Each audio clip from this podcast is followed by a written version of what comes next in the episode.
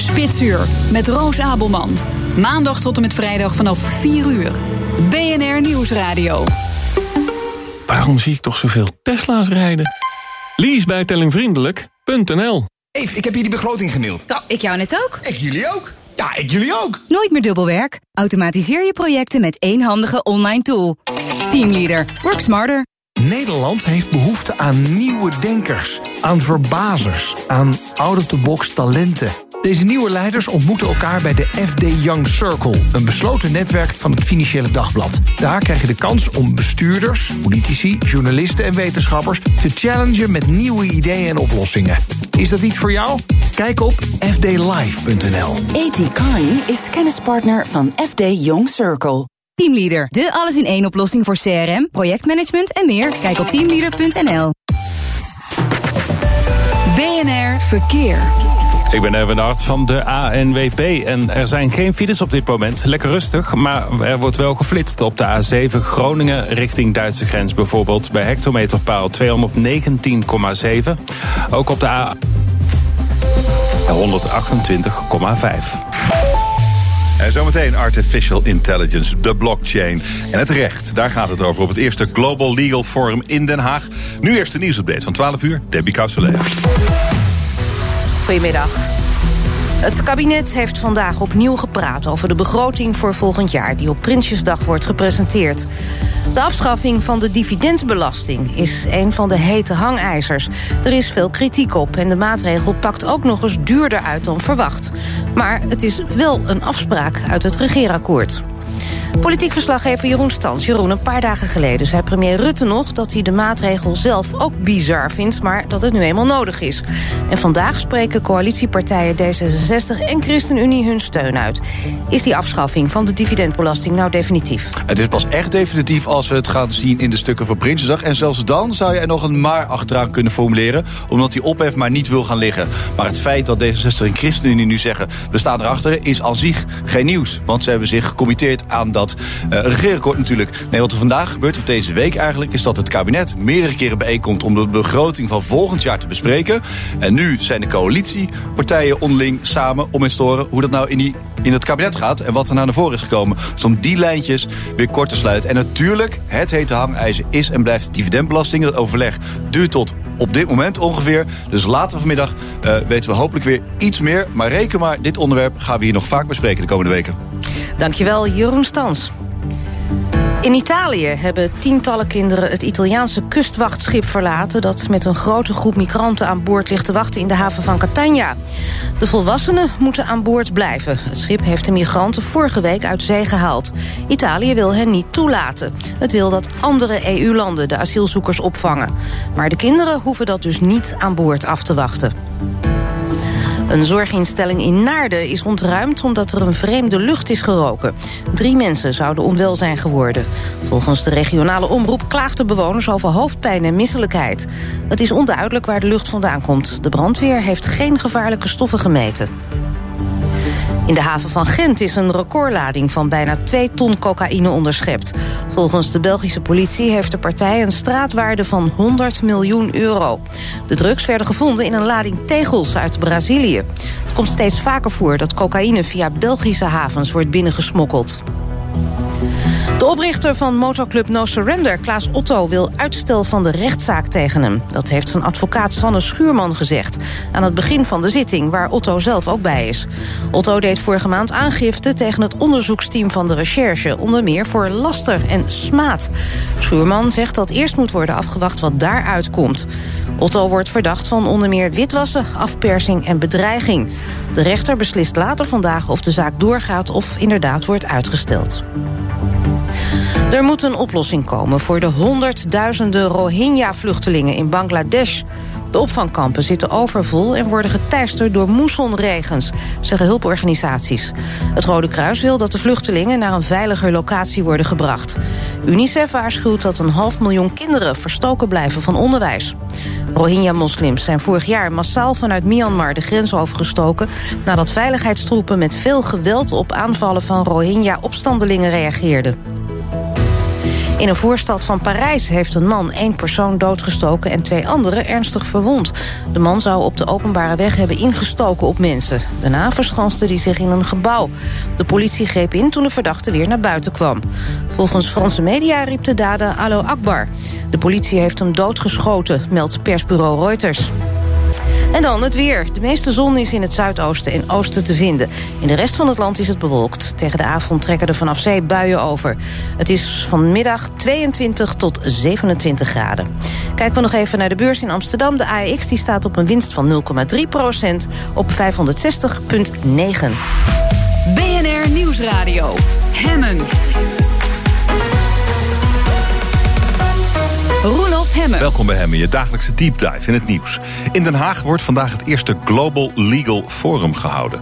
Kopstukken uit de juridische wereld komen bij elkaar om ideeën uit te wisselen. En het thema dit jaar is nieuwe technologie, zoals de blockchain en kunstmatige intelligentie. Mijn gast is een van de sprekers op het forum, Lokke Morel. Zij is hoogleraar technologie en recht aan de Universiteit van Tilburg en advocaat bij Morrison Foerster. Dag mevrouw Morel, mooi dat u er bent. Dank. Uh, wat hebben het recht en nieuwe technologie precies met elkaar te maken? Ja, nou ja, het is zo dat de regels altijd een beetje achterlopen op, op de nieuwe technologie. Dus dan ga je echt nadenken terug naar de onderliggende rationaal onder de regels om te kijken hoe je die moet toepassen in die nieuwe wereld. Hm. En, uh, ja, en dan kom je terug op de ethiek. Van waarom hebben we regels en, en, en wat vinden we daarvan? En dat vergt vaak veel meer nadenken en kennisuitwisseling om daar tot een oordeel te komen. Oké, okay, geef eens een voorbeeld daarvan alsjeblieft. Ja, nou, het is, het is niet vanzelfsprekend dat dingen die in de gewone wereld iedereen zich naar aanhoudt, automatisch in de nieuwe wereld dan toegepast worden. En uh, iets wat mij opvalt, en ik heb daar ook wel eens een keer iets, uh, eerder iets over gezegd, is bijvoorbeeld. Um, in de oude wereld heb je de persvrijheid en ook de, vrijheid van nieuwsgaring. Dat je zelf kan zoeken in de bibliotheek zonder dat iemand je bespiedt. Die vrijheid heb je nodig om daarna je eigen mening vrij te uiten. Maar ondertussen is het zo dat online iedereen alsmaar gevolgd wordt door middel van cookies. En dat het heel moeilijk is om onbespied de krant te lezen. En uh, nou, de kranten zijn de grootste verdedigers van de vrijheid. Maar ondertussen werken ze mee aan uh, advertentienetwerken die cookies plaatsen op die sites. En je kan niet de krant lezen zonder dat je die cookies accepteert. Ja. Toch een gekke tegenstelling. Wat vindt u dat daaraan zou moeten veranderen dan? Nou, dat is wel een dilemma natuurlijk. Ja. Ja, dat is echt een dilemma. En dan moet je als bedrijf weer opnieuw denken: waar zijn we hier voor op deze wereld? En wat vinden wij dat wij, waar wij voor staan. En uh, dat betekent dat je toch eens kijkt van he, advertenties op de site zelf helemaal goed. Maar moeten wij advertentienetwerken eh, toestaan dat ze die data afromen? Daar zou je een ander oordeel over kunnen hebben dan de kranten nu doen. Ja, u vindt dat ze dat zouden moeten hebben. Ik vind wel dat ze dat moeten doen. Ja, daar heb ik eigenlijk geen enkele twijfel over. Nee. Uh, maar uh, als, je er, ja, als je er zo langs de weg van de ethiek naar kijkt, dan zou je makkelijk tot die conclusie kunnen komen. Maar het gaat natuurlijk vooral ook om geld en inkomsten voor die kranten. Ja, maar het gekke is, uh, nou kijk naar Facebook, Cambridge Analytica. Die kranten hebben helemaal volgestaan over met argumenten van ja, Facebook had daar toezicht op moeten houden. Want we hebben, ze hebben toegang gegeven aan Cambridge Analytica, waardoor de verkiezingen in Amerika en ook de Brexit vote zijn uh, gerikt. En, maar de gegevens die van de kranten afgeroomd worden, op, door die advertentienetwerken, die ook op een soort dark web worden verkocht die zijn net zo interessant om de verkiezingen te beïnvloeden. Ja, ja. En, En, en, zou u zeggen dat het recht hier eigenlijk achterloopt? Nou, ik denk dat onze regels, als je ze doordenkt waarom ze er zijn, mhm. dat al als antwoord zouden moeten hebben.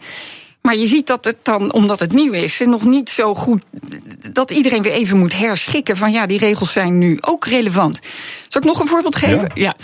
Ehm, de kranten mogen geen fake nieuws brengen. Die hebben een redactionele verantwoordelijkheid. Ja. Maar als een, een social medium uh, een, een, een kanaal voor nieuws wordt, dan vinden ze ineens dat ze die verantwoordelijkheid niet hebben. En nu zegt iedereen, nu we zien wat ermee gebeurt, van nou zeg, jullie hebben wel een verantwoordelijkheid om uh, fake nieuws op te sporen. Eigenlijk ligt het ontzettend voor de hand, maar toch hebben die social media in eerste instantie denken ze dat ze geen verantwoordelijkheden hebben. Ja, ja. En bedoelt u dan vooral Facebook als een kanaal voor uh, bijvoorbeeld nieuws? Google is net zo goed een, uh, een, kanaal. En die zijn nu ook bezig met fake nieuws opsporen. En, maar eigenlijk zijn we dat dus, uh, al, althans, ja, wij, onze, de mensen die onze wetten maken, die lopen daar nog wel een beetje met hun handen in het haar achteraan dus. De regels lopen altijd achteraan. Ja. En het gekke is dat de ethiek ook nog weer moet vormen naar de nieuwe wereld. En ja, ik geef altijd het voorbeeld van. Uh, mensen denken dat de ethiek altijd terechtkomt in een wet. Maar dat is niet zo. Als je nadenkt over de tien geboden. Vroeger, nou misschien nu niet meer, maar dat was toch wel de leidraad voor de samenleving. Maar twee geboden daarvan zijn maar geschikt voor de wet. Je mag niet moorden, je mag niet uh, stelen. De rest is social norms waar we aan ja. ons, waar we aan ons houden zonder dat je het eigenlijk doorhebt. Nou, dat, dat moet zich allemaal weer, weer nieuw groeien. En dat kan niet altijd in een wet. Zo is het. En daar gaat het bijvoorbeeld over op die conferentie in Den Haag, die vandaag begint, waar u spreekt. Ja. Um, een ander uh, groot onderwerp op die conferentie is ook artificiële intelligentie, waar dit onderwerp wat we zojuist ja. besproken natuurlijk ook wel een beetje mee te maken heeft. Maar artificiële intelligentie ontwikkelt zich heel snel. Ja. Uh, en sommige mensen denken dat het wel slimmer zou kunnen worden dan wij. Um, daarvan kun je zeggen, dat moeten we echt goed gaan reguleren. Hoe denkt u daarover? Uh, ja, de vraag is of het echt te vangen is in regels weer. Ik, ik denk een onderliggend ethisch principe is dat je technologieën inzet ten goede van de mens, hè, de mens centraal, en ten goede van de maatschappij. En als je uh, het gaat gebruiken om alleen maar zelf geld te verdienen en mensen te exploiteren, hè, dat, dat, dat is niet hoe het zou moeten. Dus je zou als bedrijf ook echt moeten denken: zit ik hier nou die data te analyseren met artificiële intelligentie alleen maar om zelf nog uit die data en dus ook die mensen een, een, extra kwartje te knijpen? Of, of zet ik het in om ons verder te brengen? Nou. Ik ben een grote fan van nieuwe technologie, laten we dat even voorop stellen. Maar ik denk wel dat je daar heel tijd dat moet monitoren om te kijken wat die impact dan is.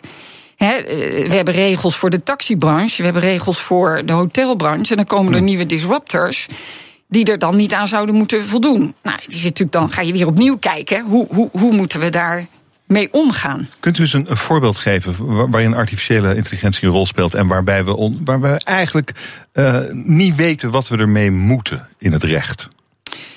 Um, Wapensystemen bijvoorbeeld. Het gaat natuurlijk vaak over ja. zelfdenkende wapensystemen. Ja. Die op, op het slagveld zouden kunnen beslissen over leven en dood. Nou. Dat is een, een bekend voorbeeld. Ja, en daar kan je artificiële intelligentie voor inzetten. En Google heeft net in zijn uh, die hebben een soort corporate uh, AI policy met hun high level principles gepubliceerd. En die zeggen dan ook. We doen het alleen voor. Hè, we zijn accountable naar mensen toe. We, we doen het voor als het een social benefit heeft. En, maar ook van we zullen het niet inzetten voor wapen en, en, en destruction van mensen, bijvoorbeeld. Dat zijn dan de hoger liggende uitgangspunten die je met elkaar moet afspreken. Die eigenlijk al gelden, denk ik. Maar... Ja, maar nog niet in wetten zijn vastgelegd. Ja, ik, er is niet een wet, ook nu niet, dat je, uh, uh, dat je goed moet doen in de wereld. Dat nee. is een ethisch principe. Ja, ja. ja maar uh, is, het dan, is het dan niet dat als ehm, grote bedrijven en nieuwe ontwikkelingen zich niet aan dat principe, dat ethisch principe houden, is dat dan niet waar we wetten voor hebben? Om dat toch te, te waarborgen? Nou, dan kom ik weer naar mijn tien geboden. Ik denk dat Google ontzettend veel weerstand kreeg op een aantal onderdelen. En dat heeft te maken niet dat ze de wet overtreden, maar dat ze eigenlijk ja, ons sociaal contract met onze ethische principes schenden, waardoor er ontzettende weerstand komt. En um, nou, ik, ik moet wel zeggen, we hebben nu de nieuwe privacyregels in Europa. En daar zitten wel een paar hele goede dingen in. Bijvoorbeeld, uh, als je automatische besluitvorming doet met artificial intelligence, dan moet je vooraf mensen informeren over de onderliggende logica. Als je een besluit neemt, automatisch, hè, van ik wijs deze lening af of wat dan ook, moet je ze een hm. uitleg geven over hoe die beslissing dan tot, tot stand is gekomen. En verder zijn verantwoordelijken uh, accountable voor en moeten ze aantonen dat ze compliant zijn. Dus als iemand dan een individu zegt, nou je hebt die beslissing genomen en maar je discrimineert of dit of dat, dan moet dat bedrijf aantonen dat je uh, dat zorgvuldig, hè, dat de regels die leiden tot die beslissing zorgvuldig zijn. Nou, dat kan alleen als die algoritmes geen black box zijn. En ik denk dat er heel veel geïnvesteerd is nu in artificial intelligence. Dat is de eerste investering. En nou moeten de investeringen komen om weer accountable te zijn. Dat we niet denken, we hebben geen idee hoe dit besluit tot stand is gekomen. Maar dat het duidelijk is. Hè, een whitebox is dat we begrijpen hoe het werkt. Nou.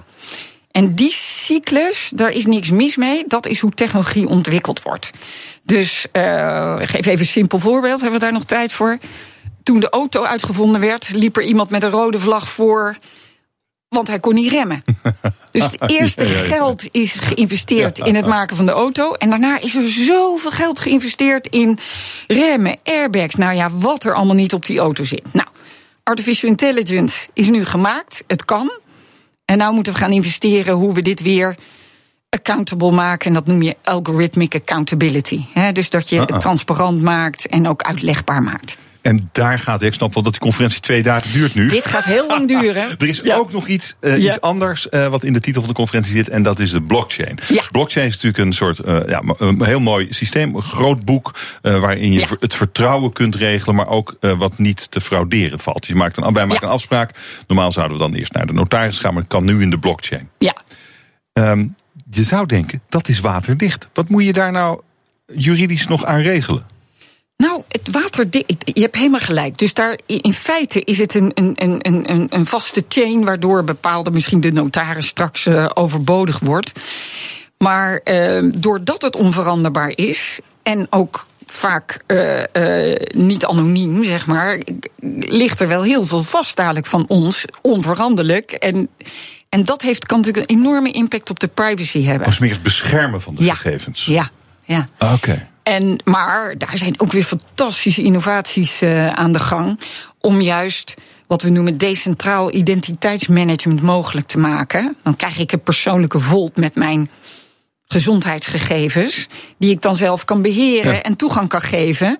In plaats van dat er een fantastisch elektronisch patiëntendossier is waar ik geen controle over heb en iedereen bij kan. Begrijp je? Dus ik kijk uit naar die uh, ontwikkeling. Er is nog ongelooflijk veel te regelen voor ja. advocaten en wetgevers. Nou, ik wens u een mooi congres. Hartelijk dank, dank voor dit gesprek. Lokke Morel, hoogleraar technologie en recht in Tilburg en advocaat bij Morrison Forster. Dank u wel. En zometeen door een link te leggen met kennis die je al hebt... kun je nieuwe informatie nog beter onthouden. Zometeen. BNR Nieuwsradio. Hemmen. Van goed naar beter. Er gaat veel goed in ons land, natuurlijk. Maar laten we vooral ambitieus blijven. Het kan altijd beter. Vandaag in Van Goed naar Beter het geheugen. Want door oude kennis rond een onderwerp opnieuw op te halen... onthoud je nieuwe informatie over hetzelfde onderwerp beter. Blijkt uit onderzoek van Marlieke van Kesteren... van de Vrije Universiteit in Amsterdam. Dag mevrouw van Kesteren, mooi dat u er bent. Hallo, dankjewel. Help me even herinneren. Hoe werkt het proces van onthouden in ons brein precies? Nou, dat is een heel ingewikkeld proces. um, ik zal beginnen bij, je krijgt informatie binnen via je ogen en je oren en allerlei andere zintuigen die je hebt. En die worden verwerkt door je brein en uiteindelijk komen die samen. En worden die verwerkt door een gebied, dat noemen we de hippocampus. En die eigenlijk linkt al die informatie samen en zorgt ervoor dat dat opgeslagen wordt. Dat is eigenlijk een notendop hoe het werkt. En ja, dat is een hele ingewikkelde, ja. uh, heel ingewikkeld proces. Maar uh, ja, het heeft te maken met het linken van al die verschillende stukjes... die je vervolgens dan weer terug kan halen als je dingen herinnert. Ja, en je hebt, dus, je hebt er invloed op, uh, op wat je wilt onthouden en wat niet. Ja, zeker weten. Ja, dus je kunt, als je gaat leren, onthoud je het beter. Ja. Uh, en wat is de, de gangbare theorie over hoe je het best informatie kunt onthouden? Ja, er zijn heel veel verschillende theorieën over. Of een heleboel verschillende tips eigenlijk die je kan geven aan mensen. Het hangt er heel erg vanaf wat je moet leren. Dus in mijn geval kijk ik naar hoe voorkennis een effect heeft op hoe je dingen leert. En we weten uit heel lang onderzoek dat dat een heel groot effect heeft. Als je dingen al weet en je leert nieuwe informatie die daaraan gerelateerd is, dan onthoud je het beter. Dat zal iedereen beamen in het dagelijks leven. En dat was uw hypothese voordat u begon aan het onderzoek? Ja. En die is uitgekomen, die is bevestigd. Ja, die is bevestigd. Nou, dat, dat is, wel dus, fijn. Ja, dat is altijd fijn. Maar dat, wat ik zei, er is al jarenlang onderzoek naar. Dus dat is eigenlijk niks nieuws. Oh. Als we iets anders zouden vinden, zou het raar zijn. Oké. Okay. Uh, maar daarnaast kijken we naar, in, in dit onderzoek wat we net gepubliceerd hebben, kijk ik specifiek naar als je nou heel erg uh, je best doet om oude informatie te reactiveren. Dus echt in je hoofd. En dan gaat het om plaatjes in dit geval. Dan kunnen we dat dan sturen. Kunnen we dat dan sterker maken, die ah, herinnering. Ja, ja. En, wat, en wat heeft u daar gevonden? Dat dat zo is. Dat dat zo is. Ja. En hoe werkt dat dan? Um, In dit geval was het een gedragsexperiment, zoals we dat noemen. Ik, ik doe ook um, uh, MRI-experimenten, dus ik kijk echt naar breinactiviteit. Uh, dat experiment is nog lopende, daar ben ik bezig met analyses. Dus daar kan ik nog niet zo heel veel over zeggen. Maar in het gedragsexperiment wat we net gepubliceerd hebben, hebben we studenten, tweedejaars, gevraagd om informatie, nieuwe informatie te leren. En terwijl ze dat doen, ons aan te geven hoe goed ze oude informatie konden herinneren. En, en wat, blijkt er, wat blijkt dan? Als, als ze aangeven dat ze het sterker kunnen terughalen, dan kunnen ze het ook beter onthouden vervolgens. Een combinatie tussen het oude en het nieuwe wat ze hebben geleerd. Oké, okay, en wat maakt dat dat zo is? Ja, dat is dus de vraag die uit MRI-onderzoek oh, moet gaan komen. Okay. nou ja, ik, ik, ik, zou denken dat als je het al weet, uh, het, het, toevoegen van kennis, het, het, het verfijnen van kennis, misschien het verbreden van kennis die al ergens in je hersenen zit. Uh, de, ik vind het eigenlijk wel logisch dat dat dan beter gaat. Ja, is ook heel logisch. Dat is wat ik al zei. Het is uh, jarenlang onderzoek wat, er al, wat het al laat zien. Um, onze hypothese vanuit hoe de hersenen werken. Dus ik heb meerdere studies gedaan ook naar hoe de hersenen werken en uh, welke gebieden daarbij betrokken zijn. Is dat dat eerdere gebied wat ik noemde, die hippocampus, die is heel belangrijk voor het leren van informatie, maar voornamelijk het leren van losse stukjes. Dus als je een heel, als ik me herinner morgen wat ik hier vandaag heb gedaan, dan heb ik verschillende stukjes van die informatie. Dus wat ik zie, wat ik heb gehoord, mijn emoties erbij, et cetera. Terwijl als je nieuwe informatie leert die al goed aansluit bij wat je hebt gedaan, of wat je eerder hebt geleerd, dus als ik dit al heel vaak zou hebben gedaan, dan integreer je meer nieuwe informatie met oude informatie. Ja. Dat is het idee. En er is een nieuw, er is een andere regio in het brein die dat faciliteert. Dat en, is. Oké, okay. ja. en nou ja, uh, hoe, wat kun je hiermee in het dagelijks leven? Je, uh, iedereen moet dingen onthouden. Het is fijn als je dingen meteen onthoudt en goed onthoudt en ja. heel gedetailleerd onthoudt. Dat is goed, hè? Ja. Uh, hoe kun je de kennis die u heeft opgedaan, hoe, hoe, hoe, wat kan ik daarmee in mijn dagelijks leven? Er is een balans dus tussen gedetailleerd onthouden en kennisnetwerken opbouwen. Dat is eigenlijk waar, waar ik steeds meer na, naartoe begin te gaan met mijn ideeën en mijn onderzoek. Um, als je iets heel gedetailleerd wil onthouden, dan zijn daar verschillende trucjes voor. Maar in mijn geval wil ik eigenlijk dat mensen kennis opbouwen. Zodat ze over tijd steeds meer dingen leren. En dat je dus bijvoorbeeld in een onderwijssituatie over de jaren heen een heel stabiel netwerk maakt van bepaalde kennis. Dus bijvoorbeeld voor scholieren over de Tweede Wereldoorlog, noem maar wat. Iets, iets wat, wat best wel veel kennis vergt, maar wat wel over tijd moet worden opgebouwd. Um, maar dus hoe zou je dat dan het beste kunnen doen? In dit geval dus oude informatie reactiveren. Ja, ja. Als je op het moment dat je nieuwe informatie leert, en dat klinkt heel logisch. Uh, en ik denk dat goede studenten, goede docenten, die doen dat al in het dagelijks leven en zoveel mogelijk.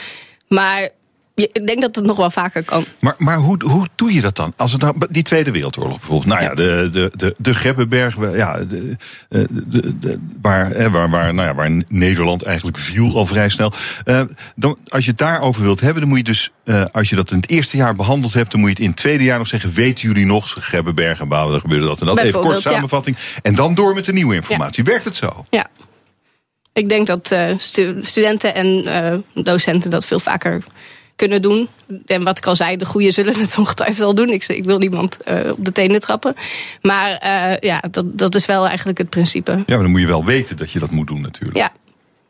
Dus okay. dat, ja, dat zou je dus in, in schoolboeken en dergelijke gewoon nog meer moeten, moeten ja. En um, nou, hoe gaat, dat, hoe gaat dit verder, deze resultaten? Natuurlijk interessant. Het staat nu vast. Je moet het zo doen. Uh, de volgende stap is dat dat op uh, opleidingen gebeurt. Uh, dat docenten dat gewoon gaan doen. Hoe krijgt u dat voor elkaar? Ja, vanuit dus de, dus schoolboeken bijvoorbeeld, om die in, in de, op de lange termijn daarop aan te passen, zou ik zeggen. ik, ik schrijf ook bijvoorbeeld blogs voor scholieren en studenten in de hoop dat die dat lezen en die tips meenemen. Um, ja, je gewoon een heel simpele tip is: uh, kijk eens in het vorige hoofdstuk als je, iets nieuw, als je een nieuw hoofdstuk begint. Of ja. kijk in de inhoudsopgave voordat je met een boek begint. Even, je, je, je even opfrissen eigenlijk. Ja. Oké, okay, en dan valt het in het goede laadje in je hersenen. Ja, dat weet u nog niet, want het zit in die MRI's natuurlijk. Ja, dat maar dat zou ik me wel kunnen voorstellen. Ja. Dat het... ja, wij verwachten ah. dat dus dat integratiegebied uh, dat dat actiever is op het moment dat, uh, dat je informatie leert die aansluit bij je voorkennis. Hoe dus je dat goed reactief ja. Hoe verhoudt dit zich tot die um, tot, tot die tip eh, die je heel vaak hoort. Een klassieke tip dat je, eh, als je iets goed moet onthouden, of je verhaal moet vertellen, dat je dan precies moet weten. Dat je dan net moet doen alsof je in een ruimte bent die je goed kent, in je huis of zo. En dat je weet, nou, daar bij Draswaar ligt mijn intro. En dan mijn tweede stuk ligt daar. En nou ja, over snelwegen, dat ligt daar. Dat je precies in je hoofd eigenlijk door zo'n ruimte loopt. Ja. Hoe verhoudt wat u gevonden heeft zich tot die methode om dingen te onthouden? Ja, dat, dat heet de Loki-methode. En dat wordt, werd door de oude Grieken al heel vaak gebruikt. Vandaar Loki, dat is het Griekse woord voor plaats. Um, in, in dit geval gaat het om het leren van redelijk arbitraire informatie. Want je wil echt een, een lijn die je bijvoorbeeld als een, als een speech of een toespraak wil houden, wil je volhouden en je wil precies die, die, die volgorde. Dus het hoeft niet per se heel erg aan te sluiten bij je voorkennis, maar je gebruikt hier wel voorkennis. Want je hebt de voorkennis van de omgeving, je huis of, of een Mhm. andere omgeving die je goed kent, gebruik je om nieuwe informatie in te Ja, plaatsen. maar, eh, ja het koppelt, eh, je koppelt eigenlijk iets nieuws aan iets ouds. Ja. Dat is eigenlijk wat u ook gevonden heeft. Ja, inderdaad. Hmm. Ja, we hebben zelfs gevonden dat ik, ik verwachtte eigenlijk dat als het niet echt goed bij elkaar past en je wil het aan elkaar linken en, en onthouden, dat je dan niet dat effect zou hebben van hoe, hoe, hoe sterker je reactiveert, hoe beter het onthouden wordt. Oh. Dus ik had twee condities, of, of het goed of niet goed bij elkaar paste. Maar we vonden eigenlijk dat het al, algemeen reactivatie heel sterk ervoor zorgde dat het eh, nieuwe informatie goed Ja, onthouden werd. we hebben het steeds over beter onthouden, maar eh, kunt u dat kwantificeren? Wij hebben een test gedaan. eh, dus ze, hadden, ze moesten twee dingetjes leren, los van elkaar, die gelinkt werden door een woord. Mhm. En we vroegen tijdens het leren van het tweede deel, waarbij het woord dus terugkwam, zodat daar een plaatje bij hoorde in eerste instantie, om dat plaatje te reactiveren. En we testen vervolgens, na een hele kleine korte tussentest, dus echt, echt een kwartiertje daarna of zo, hebben we getest of ze, eh, gegeven het eh, plaatje, gegeven de, de, het laatste deel wat ze hebben geleerd, dat was een korte beschrijving, het plaatje terug konden halen. Dat is uiteindelijk de test die we hebben gedaan. Ze hebben gevraagd of ze Mhm. op wilden schrijven wat voor plaatje dat was en hoe dat eruit zag. En? Dat is het, dus dat, daar bleek dat ze het beter onthouden als, eh, als, het, eh, als ze dat plaatje ook beter hadden kunnen Ja, maar, terughalen. maar wat is dan beter? Hoeveel procent beter? Is dat, is... Eh, Significant beter. kant vind ik eigenlijk eh, uit de, mond van een wetenschapper ook al heel wat. Waarom fascineert u dit zo? De, het onthouden? Ja, ik ben ooit begonnen als student cognitieve neurowetenschap. Waar ik meer echt geïnteresseerd was in, in, het, ja, hoe het in het brein hoe je informatie het beste kan verwerken. En ik ben in, in het geheugenonderzoek gerold. Ik vond dat, ja, wat ik er heel interessant aan vind, is dat het ook echt wel een duidelijke link heeft met, met het dagelijks leven. En dat ik ook echt kan zeggen van nou, vanuit wat ik weet, hoe het brein werkt, kan ik je vertellen dat je het zo en zo het beste kan doen. Hoe het beter kan. Zo ja, is het. Van nou, goed beter, ja. naar beter. Maar ook, ja, inderdaad. Hartelijk dank voor dit gesprek. Marlieke van Kesteren van de Vrije Universiteit in Amsterdam. Dank u wel. Nieuwsradio. Hemmen. Hemmen. Fijn dat je luistert naar hem en je dagelijkse deep dive in het nieuws. Afrika wordt steeds verder veroverd door China. De Chinezen pompen geld in het continent in ruil voor grondstoffen en goedkope krachten. Over hoe Afrika steeds meer China wordt, ga ik praten met sinoloog Henk Schulte Noordholt. Hij is auteur van China en de Barbaren, het verzet tegen de westerse wereldorde. Eh, meneer Schulte Noordholt, welkom. Goedemiddag. Dank u wel. Goedemiddag. Zou u zeggen dat China de nieuwe koloniale wereldmacht is? Nee, dat zou ik toch niet zeggen. Want het is een referentie aan natuurlijk een historische periode. toen Europa Mhm. dat wel was, ook in Afrika. Maar daar hadden wij het, als wij spreken, alleen voor het zeggen. En China die, eh, is inderdaad zeer actief in Afrika. Maar is niet zonder concurrentie van de Verenigde Staten, van India, Japan, andere mogendheden. Eh, het is wel zo dat China heel succesvol is in het eh, sluiten van deals daar en het eh, betrekken eh, van grondstoffen uit het continent. Ja. Misschien moeten we daar eens even naar kijken. Op, op welke manieren ziet u China in Afrika investeren? Nou, ik zou heel globaal kunnen zeggen dat er twee manieren zijn. Dat is één van staatswegen. Dat is zeg maar de grote staatsbedrijven die, die eh, havens aanleggen, wegen aanleggen. En die gesteund worden door de Chinese ontwikkelingsbanken. En die, eh, die sluiten deals met die landen, gesteund door de Chinese politiek. Eh, dat zijn eh, bedrijven die dat heel succesvol en goedkoop kunnen doen, maar ook goedkoop gefinancierd worden. Dat is één stroom. De tweede stroom is meer het semi- of het volledige privébedrijf in China. Dat eh, nu overzeese markten zoekt voor hun eigen maakindustrie. Hm. Net zoals wij 30 jaar geleden naar China gingen omdat de lonen zo laag waren en de handjes zo goedkoop, doen de Chinese bedrijven dat nu ook in Afrika.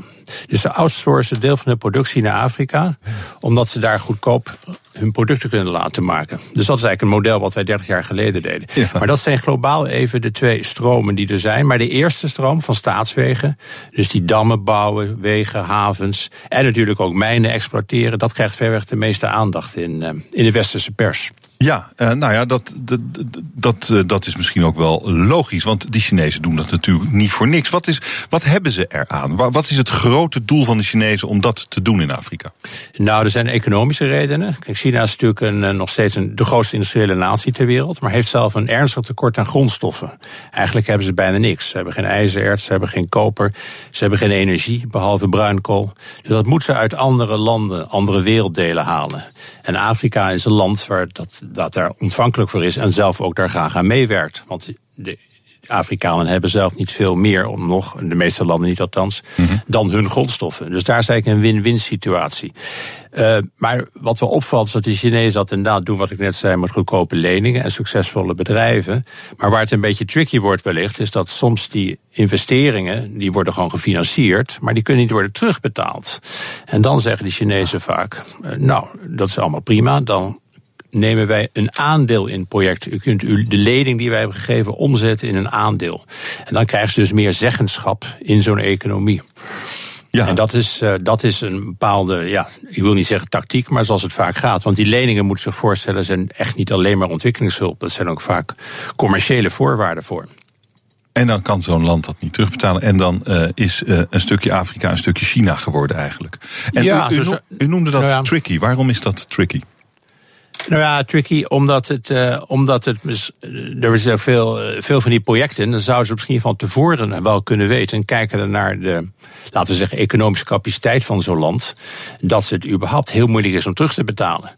Je kunt wel een glanzende spoorweg aanleggen, maar als er weinig passagiers op zijn die die kaartjes kunnen betalen, dan weet je dat zo'n project qua cashflow in problemen komt.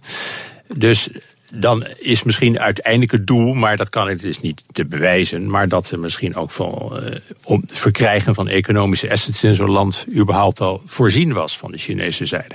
Dus daar moet je natuurlijk wel een beetje op letten. En daar zijn nog steeds meer signalen over, van, ook van het IMF, die zegt daar in die val moeten we niet trappen. En dan spreekt ze dus die ontwikkelingslanden aan. Overigens niet alleen in Afrika, ook in Zuid-Azië en, uh, en, en Centraal-Azië en zelfs Oost-Europa is dat wel een bekende manier van handelen van de Chinese kant.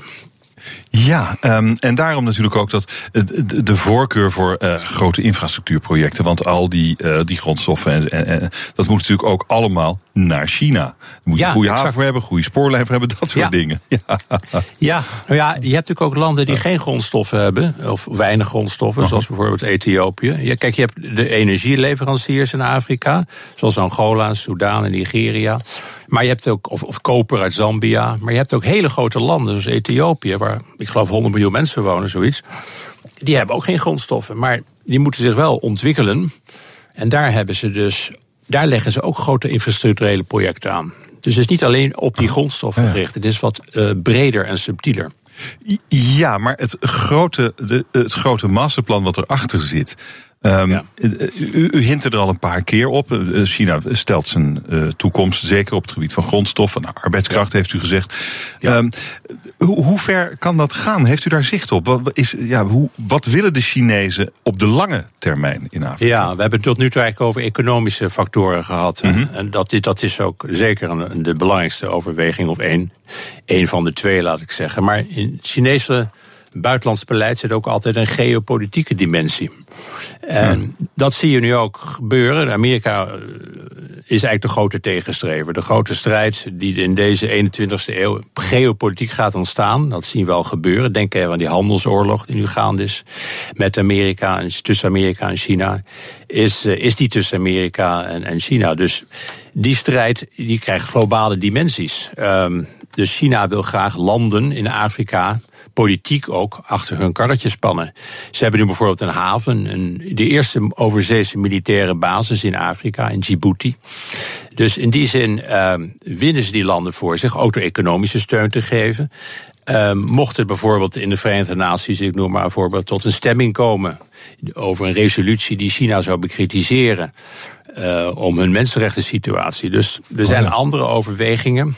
Uh, China's standing in de wereld, maar ook altijd die steeds intenser worden tenser wordende strijd uh, tegen Amerika. Heeft u voorbeelden van hoe, hoe, die, hoe die geopolitieke um, uh, invalshoek in China, hoe, hoe dat tot stand. U noemt, u noemt de Verenigde Naties en hoe China daarin invloed kan uitoefenen. Heeft u daar voorbeelden van? Hoe gaat dat?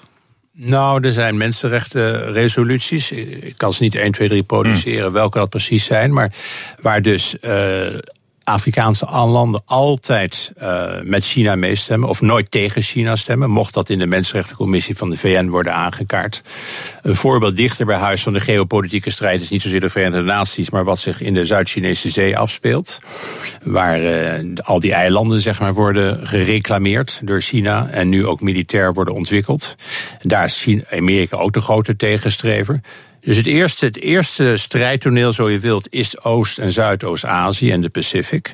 Maar het gaat ook naar andere landen. Wat ik net noemde, die, uh, die militaire basis in Djibouti is echt erg interessant. Dat is iets wat uh, voor lang geleden de Engelsen deden, later Amerikanen. Maar de Chinezen ook overzeese militaire basis aanleggen. Dat is ook een voorbeeld ja. van die steeds dieper wordende strijd tussen, tussen Amerika en China. Ja, terwijl, terwijl we toch eigenlijk jarenlang het idee hadden dat de Chinezen niet zozeer uh, geïnteresseerd zijn in, uh, in, in, in, militaire dominantie op de wereld. Dat nee. is, is, daar iets aan het veranderen, denkt u? Ja, dat is interessant dat u dat zegt. Dat is inderdaad het beeld wat ze altijd naar buiten hebben gebracht. En trouwens nog steeds doen. Ze zijn geïnteresseerd in. Ja, ze hebben vaak hoogdravende slogans daarbij. Hè, de harmonieuze wereldorde. En dat soort zaken. Uh, maar goed, China is ook een de tweede economie ter wereld. Het ontwikkelde zich defensief uh, razendsnel. Het heeft het ene grootste uh, militaire begroting ter wereld na de Verenigde Staten. Dus de, en er zit binnen de Chinese intelligentsia, maar ook steeds meer vertaald dat in overheidsbeleid. is toch steeds meer een, een, een, een, mening. Ja, we moeten ook ons mannetje staan in de wereld. En als het nodig is, ook hard power gebruiken en niet alleen soft power. Um, dus dat, dat zie je in de Zuid-Chinese Zee. Uh, je ziet het in een ander strategisch denken. Dat de marine zich ook moet inzetten nu in China voor het beveiligen van aanvoerroutes van die grondstoffen waar we het net over hadden uit Afrika en andere delen van de wereld. De militaire basis in Djibouti, ik noem het nog een keer. Maar er, zijn alle, er is een verschuiving gaande. Dat China zijn voorzichtigheid en zijn voorzichtige veren aflegt. En zich steeds meer, laten we zeggen, als een normale ouderwetse mogendheid gaat gedragen. Als een grote concurrent van de Verenigde Staten, zou ik denken. Ja, absoluut. Dat is. Nou, kijk, Europa is natuurlijk ook een belangrijke speler. Ook in de ogen van, van de Chinezen hoor. Want wij zijn als Europa nog steeds, als EU moet ik zeggen, enorme grote economische mogendheid. Maar die relatie is een beetje eendimensionaal. Die gaat eigenlijk om de economische relatie. Met Amerika gaat het veel verder. Het gaat over, over de geopolitiek waar we het net over hadden. Het gaat over cyberhacking. Het gaat over ja, klimaat, uh, klimaatbestrijding of bestrijding van klimaatverandering. Het is veel meer uh, multifaceted, zoals de Amerikanen het mooi noemen. De relatie tussen China en Amerika. Dus dat zijn eigenlijk de twee grote ja, zo je wilt, van, van, de, van deze eeuw. Daar ben ik van overtuigd. Ja, maar, en, ja ga je gang.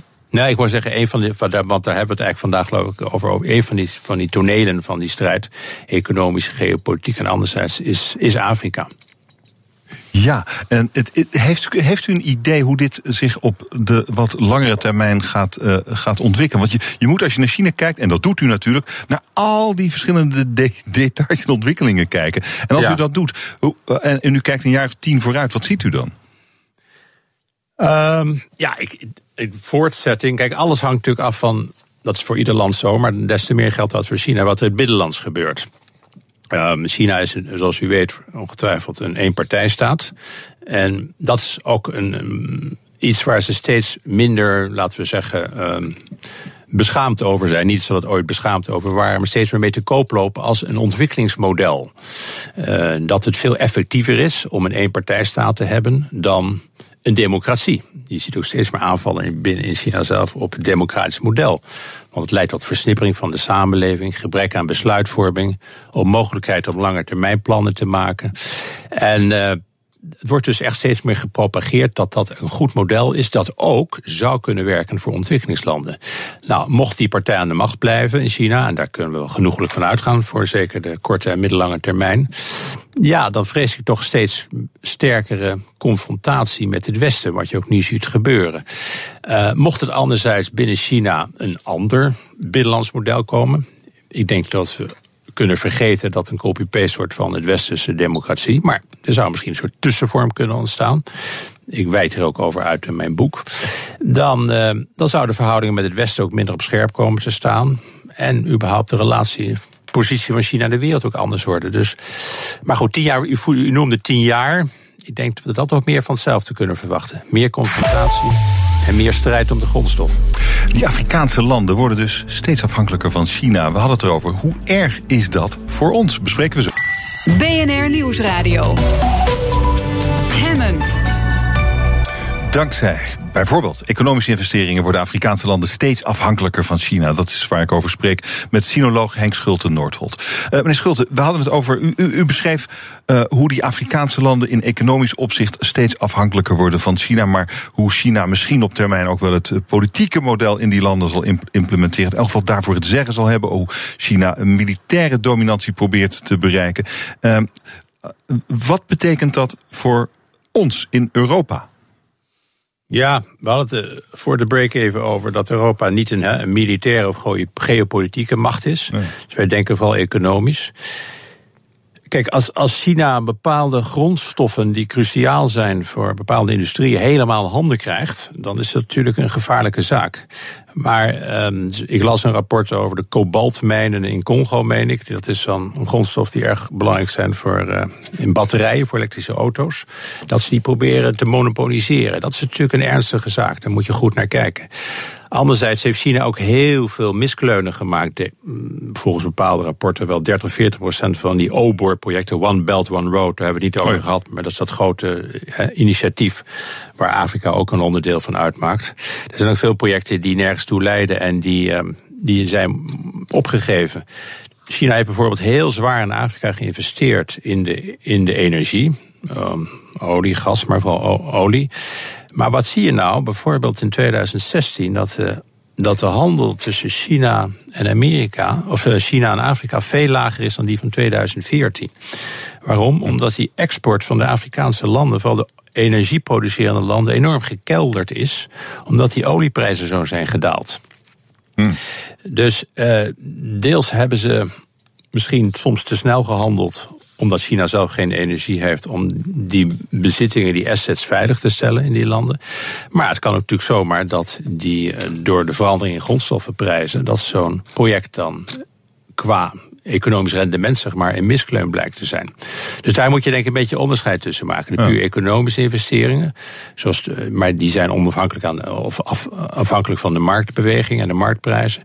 En bepaalde kern grondstoffen die we proberen te monopoliseren. Daar moeten we erg eh, als het Westen wel beducht op zijn. Uh, ja, uh, en zijn we dat in voldoende mate? Dat voorbeeld van die uh, kobaltmijn in Congo? Ja. Dat is toch wel verontrustend. Ik ken daar geen Europees beleid voor. Dat, en hoe doen de Amerikanen dat? Letten die daarop?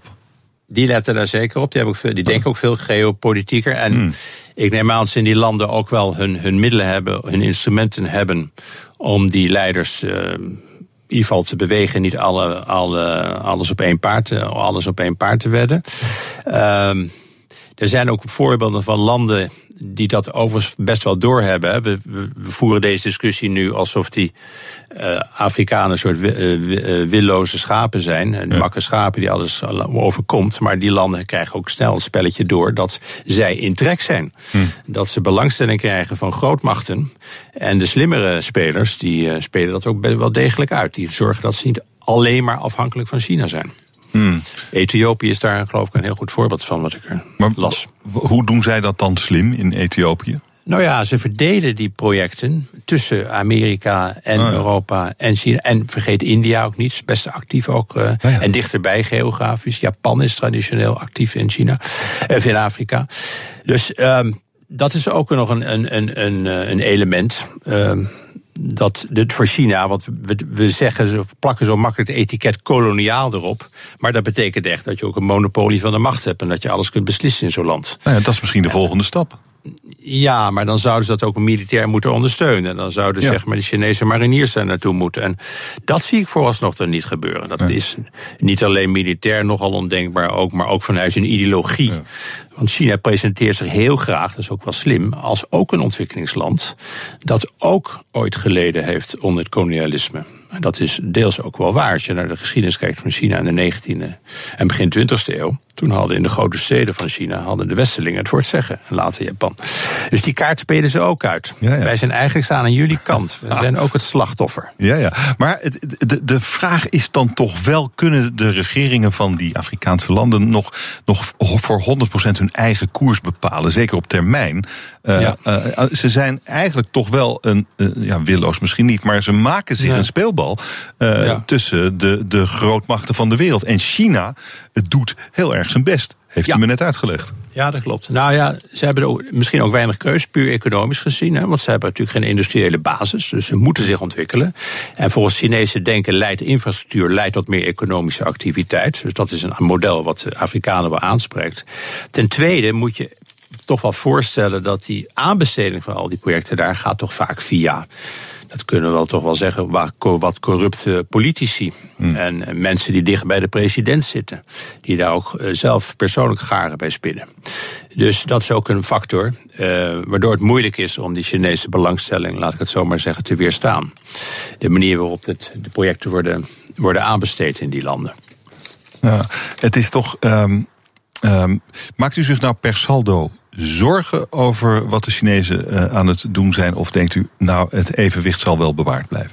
Ik denk dat het evenwicht wel gevonden gaat worden. Maar we moeten wel toch alert zijn. En Europa zou ook meer gemene zaken met Amerika moeten maken. om op te trekken en standpunten in te nemen waar het Chinese ehm, ja, beleid wat te ver gaat. En tegen de belangen van het Westen indruist.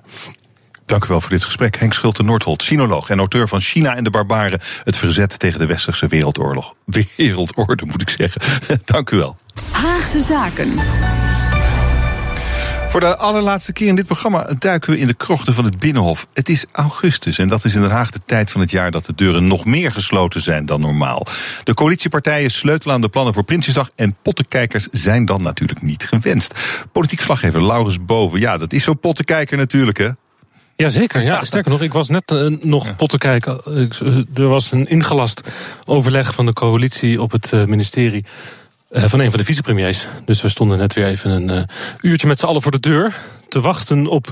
Ja, wat dan uiteindelijk blijkt, niet zeggende quotes, hè, Roelof? Zo gaat het dan.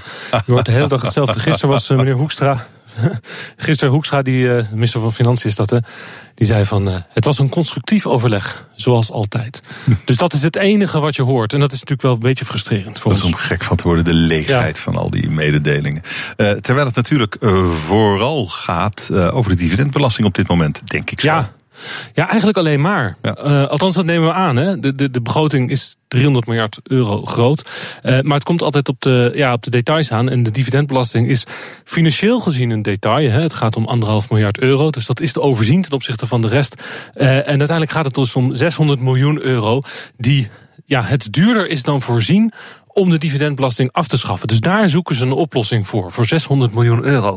En nu is de aardige dat de VVD dit heel erg graag wilde. Hè. En wat je nou hoort hier in de wandelgangen...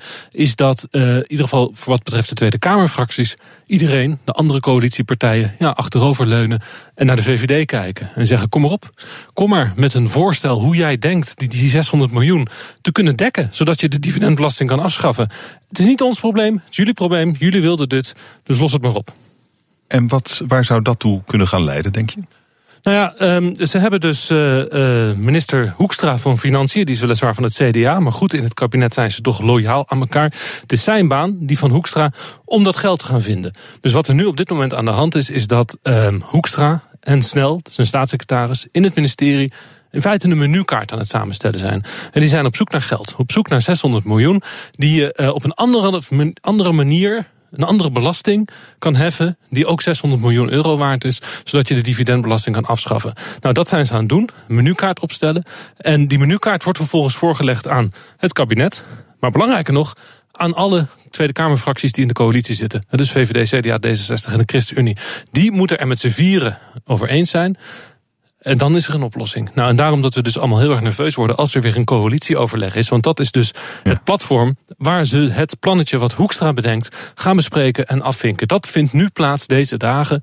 We hebben geen idee in welke bijeenkomst dat uiteindelijk echt tot een akkoord leidt. Daarom dat we er altijd zijn. Ja, uh, voor dichte deuren staan wachten op niet-zeggende quotes. Ach, dat, maar het, ja. er zit wel een enorme druk op. En het is natuurlijk spannend. Het gaat een keer, uh, gaat, er komt een keer iets. Maar uh, er is eigenlijk niemand meer buiten de coalitie die die dividendbelasting wil. sinds bekend is geworden dat het misschien wel uit het MKB moet komen en de BTW moet komen, is er nog minder draagvlak voor. Wat zijn ze? is, is, zijn ze daar gevoelig voor in Den Haag? Ik ja, denk het nee, wel zeer. eigenlijk. Nee, absoluut. Nee. Maar dat wil ook niemand, hè? Die twee belastingen die je nu noemt, daar zal het niet worden gehaald. Het moet bij een belasting terechtkomen. Ja, maar welke? Uh, ja, nou, uh, het liefst zou je natuurlijk helemaal toespitsen op die paar bedrijven waar de dividendbelasting ook van toepassing is. He, dus bedrijven zoals Shell en Unilever, mm -hmm. grote bedrijven met buitenlandse aandeelhouders, die profiteren van de dividendbelasting. Eigenlijk wil je natuurlijk dat daar dan ook de kosten worden verrekend voor het afschaffen van de dividendbelasting. Maar dat kan natuurlijk niet. Je kan natuurlijk niet een wet indienen waarop staat Shell en Unilever betalen de afschaffing van de dividendbelasting. Dus je moet een formulering vinden, een wet op een bepaalde manier vormgeven, zodat die echt een specifiek deel van het grote bedrijfsleven target. Ik vermoed dat ze daarmee bezig zijn. Omdat ze natuurlijk niet willen dat jij en ik als burger het betalen. Mm. Ze willen ook niet dat het bij de MKB'ers terechtkomt. Dus sowieso niet in de vennootschapsbelasting in de mm. lage schijven. Als in de vennootschapsbelasting, dan in de hogere schijven. Dus bij de grotere bedrijven die dat betalen. Maar het liefst natuurlijk bij die ene, bij die paar grote bedrijven waar dit voor, voor geldt. Nou ja, um, en of dat dan belasting wordt, of dat dat zit in een fiscale regeling, renteaftrek. Weet je, dat soort regelingen die er voor bedrijfsleven zijn. Ergens daar zal worden gesleuteld ter waarde van 600 miljoen. Nou, en op welke termijn denk jij dat ze hieruit zijn? Dat moet vrij snel. De miljoenennota. Ja. ja, nou, nou, sterker nog, voor 1 september. Want de Oh, miljoenennota die moet voor 1 september eigenlijk naar de Raad van State, zodat die er nog iets over kan zeggen. Dan moet dat ding natuurlijk ook nog worden gedrukt. Dus uh, daar gaan altijd een paar weken overheen. Nou, dat betekent dat ze eigenlijk deze week en volgende week hebben om dat akkoord te bereiken. Dat moet vanwege de procedures. En dat moet ook vanwege de politiek. Want uh, het kabinet wil natuurlijk dat de dividendbelasting zo snel mogelijk weggaat uit de aandacht. Omdat ze een heel ander verhaal willen vertellen op Prinsjesdag. Namelijk het verhaal van de lastenverlichting. De VVD die heeft in dit regeerakkoord de mensen beloofd de lasten te gaan verlichten. Om te beginnen volgend jaar. Dus dat moet het verhaal worden van Prinsjesdag. We, ze willen het helemaal niet meer hebben over de dividendbelasting. Maar over de lastenverlichting, de koopkracht. En dat het voor ons allemaal beter gaat worden. Dat, wil, dat moet hun verhaal zijn. Nou, dan moet je wel die dividendbelasting eerst oplossen om dat verhaal te kunnen vertellen. Dus ik verwacht deze volgende week een oplossing voor de dividendbelasting. Die zal dan vrij snel gelekt worden, denk ik. Zodat we het weten wat de oplossing is. En dan in de hoop natuurlijk bij de politiek dat wij van de pers er dan een beetje mee ophouden om erover te praten.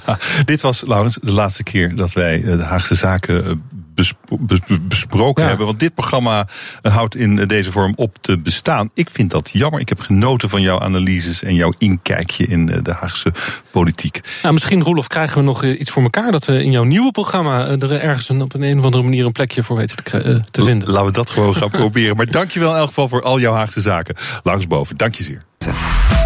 BNR Nieuwsradio. Hemmen. Hemmen. Fijn dat je luistert naar hem in je dagelijkse deep dive in het nieuws. Een eend en een kanarie die in een plaatje de actualiteit op de hak nemen. Dat is al 25 jaar de succesformule van Fokken en Sukken in de NRC. Mijn gast is een van de geestelijk vaders van Fokken en Sukken, Jean-Marc van Tol. Welkom, mooi dat je er bent. Hey, Roelof van. Wat is de Fokken en Sukken van vandaag? Oh, uh, daar overval je me even mee. nou ja. nou, toevallig weet ik het wel. Uh, dat is een, uh, een grap over uh, Bredero. Bredero is uh, vandaag uh, precies 400 jaar geleden gestorven. Ja. En uh, ik vond het wel een leuk onderwerp om ook een klein beetje mijn studie er weer in te brengen. En toen hebben we een grap gemaakt over het feit dat er zo weinig mensen weten wat het Bredero-jaar inhoudt. En dan zie je fokkersukken drinken. En Die al wij, sinds januari dronken zijn. Wij vieren het al vanaf januari. ja, dat was het. Uh, maar dat, wat is daar de actualiteit? Ja, oké, okay, dat vandaag 23 augustus is 400 jaar geleden dat ja. gestorven is. Nou kijk, wij, wij, mogen in de krant, we staan NRC Next, NRC ja. Handelsblad, uh, doen wat we willen. En uh, nou ja, het is natuurlijk een beetje een, een luwe tijd nu het Binnenhof uh, eigenlijk gewoon uh, nou, nog op gang moet komen. Dus dan gebruik je allerlei onderwerpen om uh, zo'n grap te maken. En ik doe dat met John, Reed en Bastiaan Gelijns. En uh, wij bellen elkaar elke ochtend. En Ja, het, het hangt er maar een beetje vanaf wat er toevallig die dag eh, aanleiding Ja. geeft voor een grap. En dit was toevallig vandaag uh, Bredero. Ja, want er was verder niks eigenlijk. Nou ja, je kunt over die dividendbelasting hebben. Maar ja, dan moet je, weer- moet weer over die dividendbelasting Nee, hebben. Eh, En, en dan, eh, maar je was hem eigenlijk alweer vergeten. Beetje. nou, Of, eh, we hebben hem gisteren gemaakt. Oh, ja. de deadline is eigenlijk de dag van tevoren. Oh, oké. Dus dat maakt het ook wel iets ingewikkelder. Dat is pas Ja. sinds een jaar of vier, vijf. Daarvoor was het altijd de deadline op de dag zelf. Maar sinds NRC Media apart is gegaan van de, de hele met Volkskrant en dat soort dingen, is de, de drukpers anders. En wij moeten eerder zakken. En dat is soms voor ons een klein beetje vervelend. Maar eigenlijk heb ik gemerkt dat het voor het publiek wel fijn is. Want we hebben jarenlang, ook toen we bijvoorbeeld voor de Wereld Door elke dag zo'n grap maakten, heel erg dicht op het nieuws gezeten. En soms behandel je dan een grap al voordat de mensen zelf weten waar het over gaat.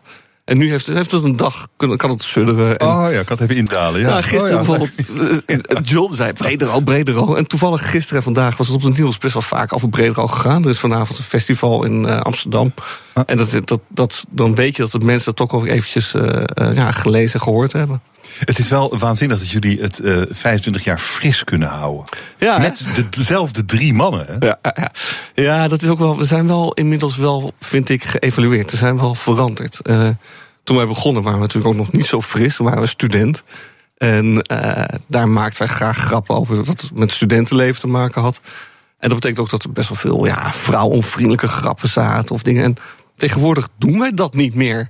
Zijn we inmiddels, waarschijnlijk zit die MeToo-affaire natuurlijk ook al ook ja, Maar eh, we zijn veel, eh, nou ja, ach, we zijn inmiddels ook al over de 50. Dus dan mag je wat bedaardere humor eh, gebruiken. nou ja, goed, nee, maar we, zijn, we, zijn, we vinden het gewoon ontzettend leuk om met z'n drieën elke dag te praten. En wat we doen is het nieuws doornemen, maar ook onze eigen dingen die ons, ons opvalt in het leven. En ja, dat, dat doen we al 25 jaar. En dat is fijn om te doen, want daaruit voor, voortvloeien die, die grappen. Maar in feite is die vriendschap die we met z'n drieën hebben eh, de basis. Ja, want je spreekt elkaar vijf of zes keer per week, denk ik. Elke dag? Gewoon ja, elke zes keer per week. dag, Ja, ja. ja. Ja, nou toevallig hebben we wel net drie weken vakantie gehad. Oh. Bastiaan belde nog één keer, zullen we elkaar nog even spreken? Want dat, dat mis je dan toch, weet je wel. Het is ook een soort verslaving. Maar eh, nou, het, is gewoon, het is gewoon echt ontzettend leuk. Want Maar- ja. het is natuurlijk voortgekomen uit studentengrap. Eh Bastiaan en ik studeerden Nederlands en John studeerde rechten. En dan begin je in Propiacurus met zo'n grapje, een dingetje. En het was helemaal niet de bedoeling om daar 25 jaar later eh, nog je beroep van te hebben. Een eend en een kanarie. Een eend in de kanarie. Gewoon. en het, best wel, het is ook best wel serieus genomen altijd. eh, door allerlei mensen. Er worden mensen kwaad over. De het, het wordt ook wel door- politici gelezen en zo. En dat is, dat is toch leuk? Ja.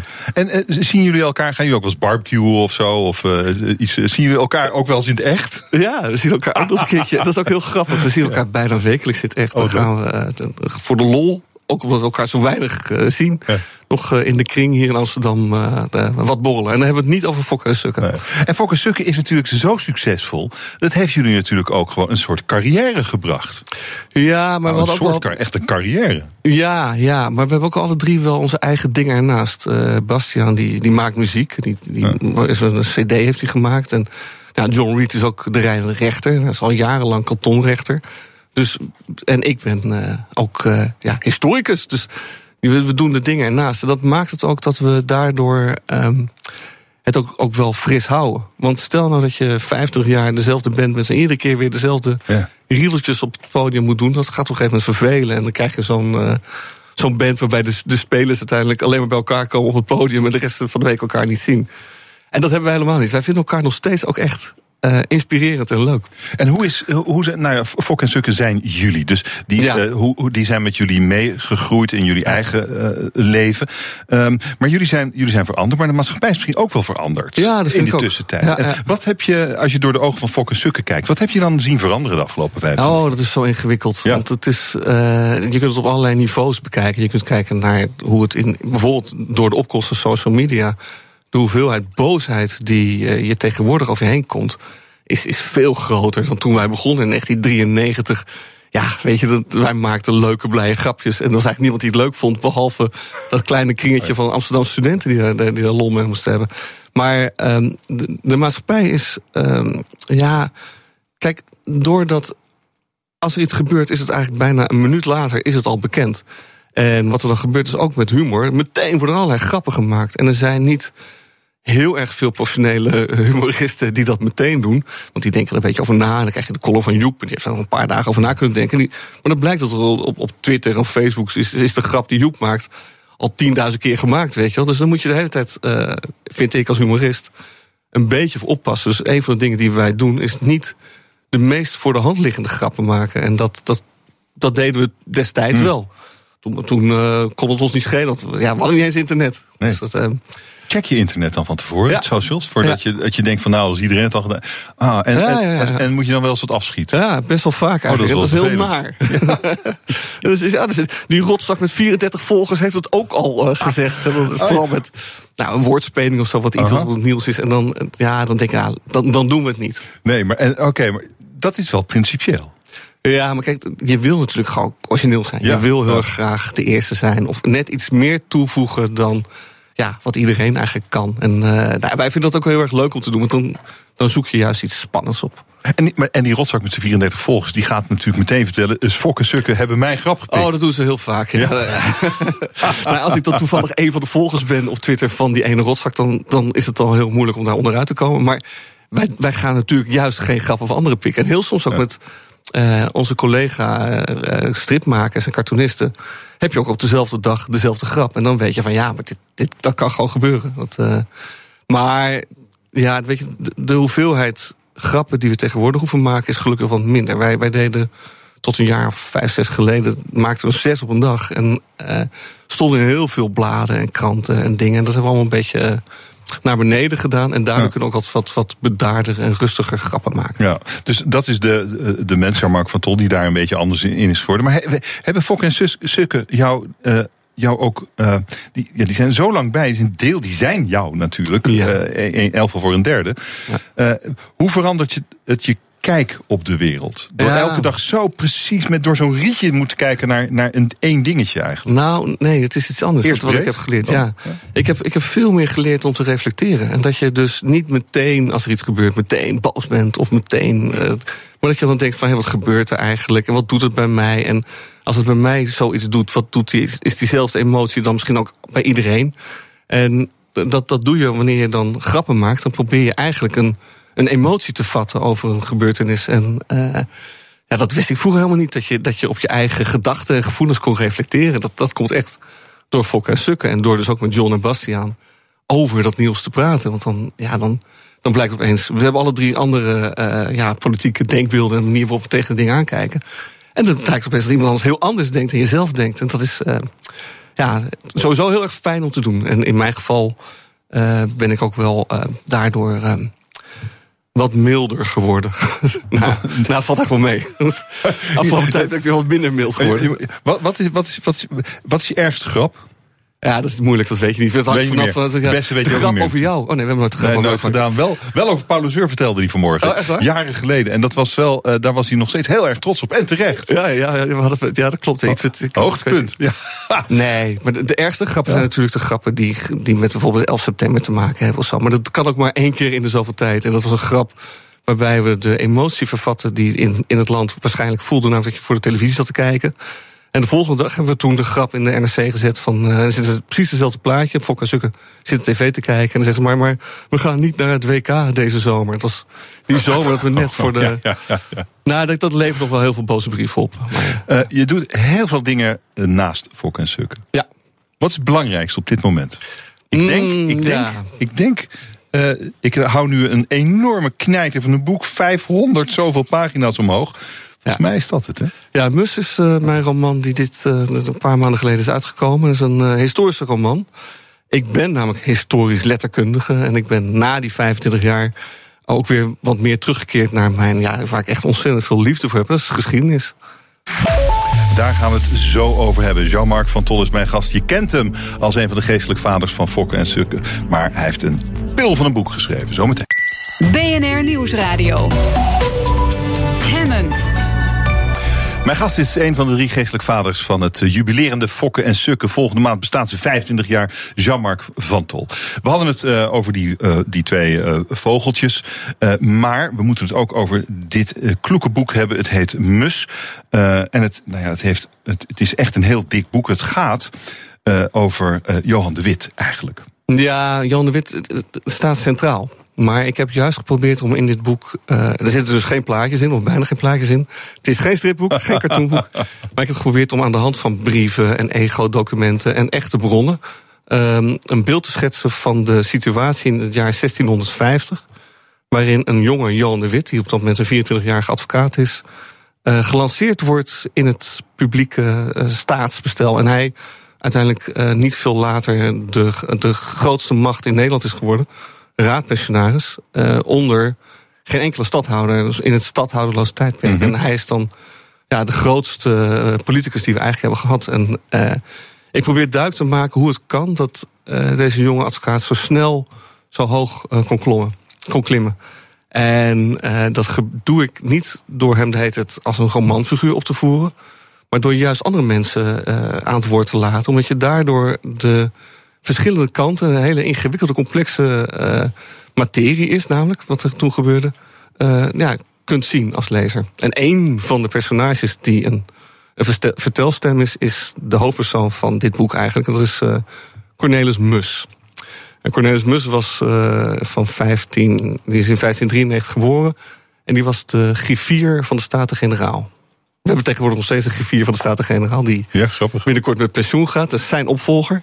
Maar deze Cornelis Mus was in de 17e eeuw... eh, ten tijde van eh, de, de prinsen van Oranje... die, nog, die dan stadhouders waren. En dus tijdens de 80-jarige oorlog... een van de machtigste mannen in de Republiek der Verenigde Nederlanden. En hij, eh, hij kreeg per jaar 1800 gulden tractement. Dat is een jaarsalaris. Maar toen hij doodging, toen was hij 2,5 miljoen gulden waard. En we weten dat hij dat heeft gedaan door heel veel afpersing, door mensen, door corruptie, door overal geld voor te vragen. Een slecht mens. Een heel slecht mens. In, in die zin dat je kunt afvragen hoe, hoeveel slechter hij was dan de andere ambtenaren op dat moment. Want dat was Ah. eigenlijk de manier waarin de 17e eeuw heel veel dingen werden geregeld. Dat was wel vrij gewoon. Maar zelfs tijdgenoten vonden dat het al spuigaten uitliep bij hem. Want ze hebben in pamfletten ook zijn eh, praktijken aan de kaart gebracht. En gezegd van dit mag echt niet. Eh, en, dat, en die dingen, die verhalen zijn ook wel bekend en zijn eh, overgeleverd. Alleen ik heb er geprobeerd om een, een, te vertellen waarom hij uiteindelijk eh, zelfmoord pleegt. Of waarom hij doodgaat. En, en nou, zijn dood zet een keten van gebeurtenissen gang... waardoor Jan de Wit in feite een soort opvolger van hem wordt. Ja. Nou, en, en, dat is leuk, maar het is ook een heel ander verhaal. Het andere verhaal wat, wat speelt is over de kleinzoon van Willem de Zwijger. Eh, Prins Willem II, die op dat moment ook een 24-jarige stadhouder is.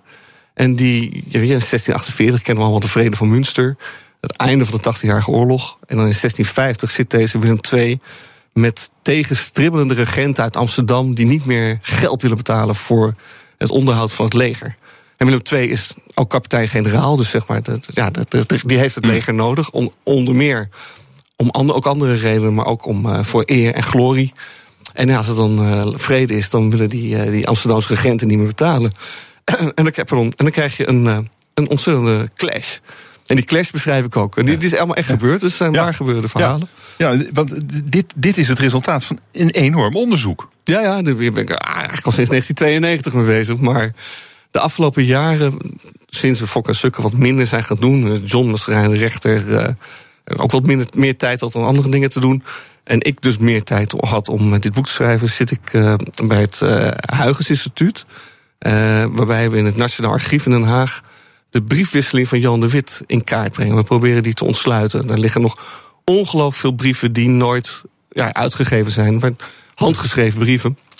En Wat vind, je, wat vind je daar mooi aan? Want ik probeer te begrijpen, als iemand die zich 25 jaar lang met de eh, dagelijkse actualiteit bezighoudt. Ik snap dat je dan een soort tegenwicht wil, vooral omdat Ja, je, eh, dat, is dat, is, dat, dat is wat je gestudeerd hebt. Dit is wat je ooit heel graag wilde en het liep anders. En, en dan nu, eh, nu is het tijd om je aan je echte passie te wijden. Nou ja, is dat wat hier ja, gebeurt? nou, het is ook echt, het is echt. Ik weet niet of je ooit eens in een archief hebt gezeten, maar het is zo geweldig om een brief van 400 jaar oud te lezen, handgeschreven. Je voelt, je ziet soms nog het haar van iemand erin of een vingerafdruk. Je ziet eh puimsteen, zand. En, en dan, staat er, dan is dat nog nooit verder uitgegeven. En dan staat er gewoon informatie in nou, die interessant is. En nou, dat heb ik in mijn boek ook gebracht. Ik heb heel veel dingetjes die niet uitgegeven staan, die gewoon waar gebeurd zijn, die staan in mijn boek. Nou, dat, dat vind ik heel erg leuk, omdat je daarmee ook, net zoals met Fokker en Sukken, geef je een, een kijk op de werkelijkheid. En nu doe ik dat aan, aan de hand van literatuur en ego-documenten. Het probleem alleen met het jaar 1650 van mijn boek was dat heel veel van die eh, documenten zijn vernietigd.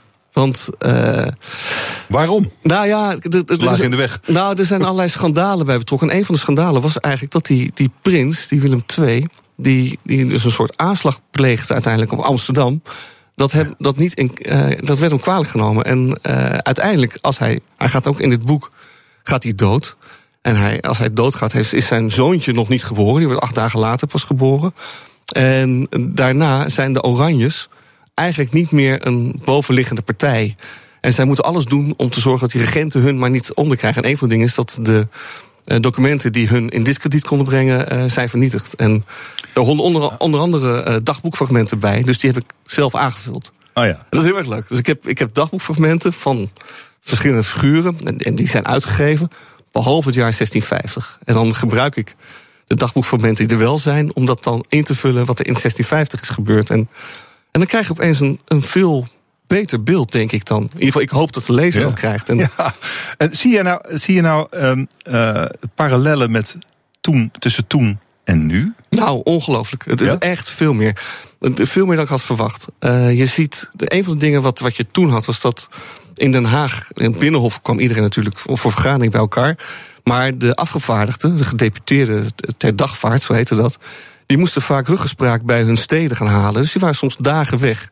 En in die dagen dat ze weg waren, om, dus voor een of andere resolutie, voor een besluit, eh, de goedkeuring van een stad te krijgen, werd er ontzettend eh, geroddeld. En er kwamen allemaal pamfletten. En die werden dan, dan werd er nepnieuws verspreid. Van ja, maar deze stad wil eigenlijk iets heel anders. En dat gebeurt in dit boek ook de hele tijd. Dat is het hele nepnieuws. En, eh, en, en dat gebeurt gewoon nog steeds. Het is gewoon precies hetzelfde. Het zijn dezelfde, sterker nog. Het zijn dezelfde kamertjes. Het zijn dezelfde Ja. achterkamertjes. Ja. Gewoon fysiek. Je kunt er doorlopen. Er zit ook En een kaart in het boek waarin je gewoon het centrum van Den Haag besch- beschrijft. Zo- Ja. dat, is er, dat is er nog steeds. Het is nog steeds. Als je nu doorheen loopt, je kunt er gewoon, dan zie je dat huis. En het grappige is, het huis van eh, Cornelis Mus. Dat stond op de hoek van de Kneuterdijk en het Hertogstraatje.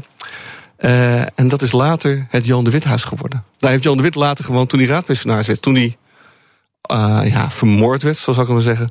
In 1672, 20 augustus. Toen woonde hij dat, in dat huis. Waarin Cornelis Mus, mijn griffier uit eh, de 20 jaar eerder, eh, of 30 jaar eerder, eh, woonde. En ik vind het gewoon heel erg mooi. dat soort En- toevalligheden. En het, eh, eh, dit is deel 1. Ja, het is een trilogie. Ja. Het, het, de- het tweede deel verschijnt over twee jaar. Het gaat over een spionagezaak met de Engelse oorlog. En dat heet Buat. En het derde deel gaat over 1672 en verschijnt over vier jaar op 20 augustus eh, 2022. Precies 350 jaar na de moord op de broeders. Eh, dus ja, hier heb je wel deadlines eh, geplaatst. Want eh, voor deze, deze heeft vrij lang geduurd, hè, die eerste. Ja, maar je bent dan ondertussen ook bezig met die andere delen. En ja, dit, dat, ik hoop dat het goed komt. Maar ik, heb, ik ben deadlines gewend. Dat is gewoon wat ik elke, dag. doe. Ja, elke dag. Ja. Ehm, eh, eh, gaat eh, Fok en Sukke ook nog eh 25 jaar mee? Ja, we gaan eh, sowieso gaan we dat eh, eerst nog even vieren. Ja, in september Eh, leuk. In september dan doen we dat op twee manieren. Wordt, de NRC wordt al het beeld in de krant en NRC Next wordt fokken en sukken. Dat wil zeggen, alle foto's, maar ook alle getekende kopjes van columnisten. En ook alle adverten- advertenties die erin staan. En dus dan gaan we de hele dag gaan we fokken en sukken maken. Ja, alle advertenties. Ja, er zijn al heel veel adverteerders die zich hebben aangemeld. snap dat is het, hartstikke leuk. En, eh, en dan de volgende dag is er in Pakhuis de Zwijger hier in Amsterdam eh, een avond eh, met allemaal mensen. Claudia de Breij, Thomas van Luin, Tommy Wieringa, allemaal Ronald Gippert. En nog meer vrienden van ons die iets leuks gaan doen. En wij ook. En dan vieren we dat met onze vrienden. Maar dat is inmiddels al uitverkocht, dat is al klaar. Ik geloof dat dat alweer vol is. Doe dan meer. Ja, dat zou ik zou eigenlijk gewoon. Weet je wat, we gaan de rest van 25 jaar nog een keer vieren. Dat, eh, nee, ik denk dat als we, ik, ik heb het gevoel dat wij wel blijven bestaan. Want wij vinden het zelf nog steeds zo leuk met z'n drieën om elke dag die grappen te maken en, en elkaar te spreken. Dus ik kan me niet voorstellen. Maar ja, over 25 jaar ben ik 75. Dat kan. Weet je, en dan vier je dus 50 jaar fokken. 50 jaar fokken, sukken. Nou ja, goed, weet je, nog steeds. eh, Tom Poes bestaat ook nog steeds en Donald Duck ook. En, en, en ja, ik, maar ik denk wel, ik heb wel een beetje het gevoel dat het op een gegeven moment, stel dat, je, dat ik overlijd of zo, dan moet het maar stoppen. Weet je, dat- ik vind het, ik vind het niet fijn zoals nu met Suske en Wiske. dat het maar door blijft gaan, maar door blijft Met gaan. andere, met andere bedenkers, andere tekenaars. Ja, want het is zo afhankelijk van ons drieën dat ik het eigenlijk heel erg stom vind om dat anderen dat te laten doen. Het is, het is daarmee ook kwetsbaar. Want als een van jullie drieën eh, er geen zin meer in heeft. of eh, nou ja, wat ik natuurlijk niet hoop eh, dat er iets ergens gebeurt. maar gewoon, stel je voor dat iemand er geen zin meer in heeft. Iemand Ja. denkt van nou, ik ga op wereldreis of zo. of ik ga zeilen, bekijk het maar. Nou, je kent John en Bastiaan blijkbaar niet. Nee. Dus die zeggen niet, ik ga Die wereldreis, niet ik ga zeilen. Nee, maar Ja, ja. maar ja, jij, jij, gaat, jij gaat dikke boeken schrijven. Misschien denk je wel, ja, ach, vind ik veel leuker. Ik ben elke dag voor uit mijn, uit mijn aandacht voor, voor die archieven getrokken. Elke dag door dat gedoe met fokken en uh, Ja, maar het is, dus, het is dus zo gaaf dat wij een balans hebben. Dat, we, dat Ja. John die kan rechtsbreken en echt serieuze dingen doen. Maar ook als rijder rechter, maar ook als kantonrechter. En tegelijkertijd ook grappen maken en over nieuws, over dingen maken. En juist die balans houdt het voor ons heel erg... eh, daardoor houden we het vol, denk ik. Eh, ik zou wel alleen maar aan mijn boek willen werken en archief. Ah, ja, maar ik denk dat ik na drie weken helemaal gek word. Dat je dan denkt, huh, wat, wil ik, ik, moet iets, ik moet iets met het nieuws. Ja, en er is loyaliteit natuurlijk aan die andere twee. Ja, ook dat natuurlijk. Ah. Dat- is, er, is er nog iets wat je behalve deze, het afmaken van de trilogie eh, zou willen doen? Ja, ik wil heel veel dingen doen. Het, eh, maar ik, ik, ik wat- wat- ja, nee. Ja, gewoon, ik- de trilogie is de eerste, de komende vier jaar ben ik daarmee bezig. Dus dat, en eh, weet je, er zijn, eh, ik ben inmiddels niet meer heel erg into strips, maar ik wil toch nog heel erg graag een, een, een vervolg maken op een strip die ik ooit heb gemaakt over het ontstaan van Fokken en Sukken. En dat is een, eh, een stripboekje. En eh, eigenlijk ben ik daar maar gebleven tot onze allereerste publicatie. Dus ik moet dat eigenlijk Ah, nog een keertje af gaan maken. De geschiedenis van Fokken en Sukken. Ja, de opkomst en ondergang van Fokker en Sukker. Maar het is alleen maar bij de allereerste opkomst, opkomst eh, gebleven. En De... Oh, dat is leuk. En wanneer komt die uit? Nee, deze is al uitgekomen. Ja, maar dat, eh, deel 2? Ja, dat, dat weet ik dus niet. ik heb pas 23 pagina's. En, eh, Oh, er wordt wel aan gewerkt. ja, maar die zijn al een jaar of drie, vier oud. dat, eh, ik ga er niet heel erg aan, hard, aan, hard mee. Het probleem is natuurlijk dat je... Ik ben zo gewend om snel, kort iets te maken. Fok en Suk is ook echt bedoeld om even snel eh, te maken... op de achterkant van een bierveeltje, zodat je het eventjes in het nieuws doet. En juist zo'n project als, als MUS, of als zo'n boek... is wel een tegenhanger daarvan, maar dat, laat dan niet toe... dat je nog een keer zo'n soort project doet. Je moet het wel echt wel eh, nou, een beetje plannen. Je hebt in elk geval ontzettend veel plezier in, geloof ik. In elk geval is dat zichtbaar. Hartelijk dank voor dit gesprek. Jean-Marc van Tol, dankjewel. BNR Nieuwsradio. Hemmen. Roelof Hemmen. Vanmorgen is al een groot deel van Brabant zonder stroom. Het is niet de eerste keer dat een groot deel van, een, van onze infrastructuur plat komt te liggen. Ik bespreek het in De kantine. Met vandaag Frank van Dalen, voorzitter van het Politiek Kenniscentrum Stichting Politieke Academie. En Jan Kees Emmer, mediastratege bij Trusted Media. Heren, welkom. Mooi dat jullie er zijn. Goedemiddag. Goedemiddag. Uh, dit akkefietje in Brabant, we hadden Schiphol, we hadden de treinen die stil. Wat is hier aan de hand, Jan Kees? Zien we dit te vaak voorbij komen? Dat zien we steeds wel. vaker voorbij komen, want de infrastructuur uh, piept en kraakt. En we worden ook steeds afhankelijker van alle digitale besturingssystemen. En dat betekent dat als er één softwarefout is, dat we hele wijken zonder, zonder stroom hebben, dan wel dat ons spoornetwerk plat ligt. Dus ja, wennen maar aan, want dit gaat steeds vaker voorkomen. Ja, dat is vrij pessimistisch. Wat denk jij, Frank? Nou ja, als je maar voldoende niet investeert, dan gaat het vanzelf mis. En is dat, dat is natuurlijk, nou ja, op het moment dat je. Uh, en we hebben net bijvoorbeeld in Italië hebben we de brug gehad die is ingestort omdat er te weinig ja. onderhoud is gepleegd. Nou, we zien dat ook in Nederland veel infrastructurele werken.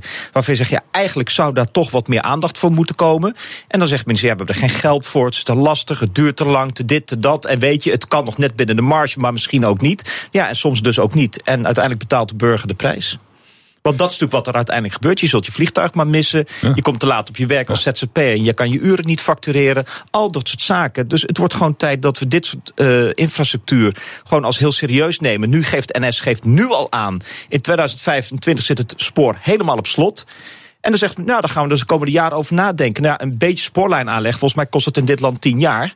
Dus we lopen al achter op schema. Als we willen voorkomen dat de boel echt helemaal vastloopt. En investeren, mm -hmm. dat is wat er moet gebeuren. Het is, op, het is in die zin tijd voor een infrastructureel deltaplan. Uh, het, grote, het, grote, het grote probleem is alleen dat doordat wij de gaskraan aan het dichtdraaien zijn... Uh, om, uh, om ons moverende redenen als land, hebben we geen geld meer. Dus ik denk, daarom zeg ik ook, winnen maar aan... Want uh, voordat we dit op orde hebben, uh, zijn we decennia verder. Dus misschien moeten we die 2 miljard eh, die we nu willen weggeven aan buitenlandse investeerders in dit land zelf houden en in dit soort projecten gaan stoppen. Of misschien moeten we de gaskraan uh, niet zo snel terug nou, lijkt, lijkt, lijkt me ook een goed idee. Ja. Ik, weet, ik, denk dat dat een gepasseerd station is. Denk je niet, Janke? Nou, dat weet ik eigenlijk niet. Want, uh, want je ziet natuurlijk dat dat uh, in grote haast aangekondigd is dit voorjaar. En je ziet nu steeds meer bezwaren ontstaan. en daarmee maak ik een bruggetje naar ons volgende onderwerp rondom die gas, rondom die cv-ketels.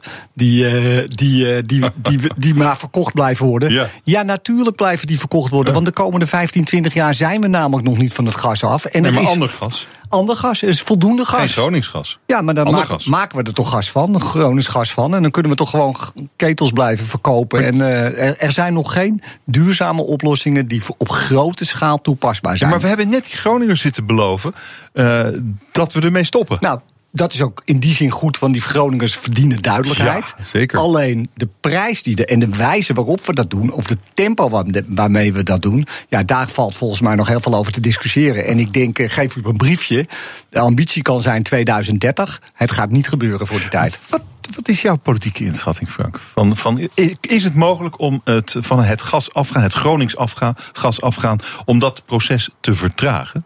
Het, we zullen wel moeten. Ik bedoel, het gaat om miljoenen woningen die moeten worden omgevormd. Het gaat om talloze bedrijven die vaak op gas functioneren. Ja, die onderscheid maken tussen gas uit het buitenland en Groningsgas. Ja, en nee, dit gaat maar, nu over maar, Groningsgas. Ja, maar goed dan ga je gas uit het buitenland halen. Dat doen we dan tijdelijk. Hè, want we hebben nu al de gaskraan flink dichtgedraaid. Dus we moeten al meer importeren. Dan bouwen we daar een, uh, een omkatstation voor. Want dat gas is niet zomaar bruikbaar. Dat kost 500 miljoen. Dat wordt gezegd, uh, dat is een forse investering die versneld wordt afgeschreven. Let wel, dat betekent dus dat we geld weggooien. Dan denk ik, jongens, waar zijn we nou helemaal mee bezig? Ik snap de druk. Uh, uh, rond uh, Groningen. Maar het is ook wel een beetje een druk die ontstaan is van een politiek die twintig jaar lang niet heeft willen luisteren. Mm -hmm. En dan nu in één keer moet het hele volk in de houding springen en uh, ja. tienduizenden euro's per huishouden gaan uitgeven om die politieke ambitie waar te maken. En de hele wereld is naar het gas toe aan het bewegen, ja. van kolen naar gas. En nou zouden wij als Nederland, die nog een behoorlijke hoeveelheid gas ook buiten Groningen hebben, gaan wegbewegen en helemaal duurzaam zonder mm. welke CO2-uitstoot dan ook. Ja, maar, maar dat... versneld tegen dus excessieve kosten. Hè? Want als je het uh -huh. gematigd doet, dan zul je zien dat de ontwikkelingen ook uh, mm -hmm. uh, op een gematigde manier meegaan.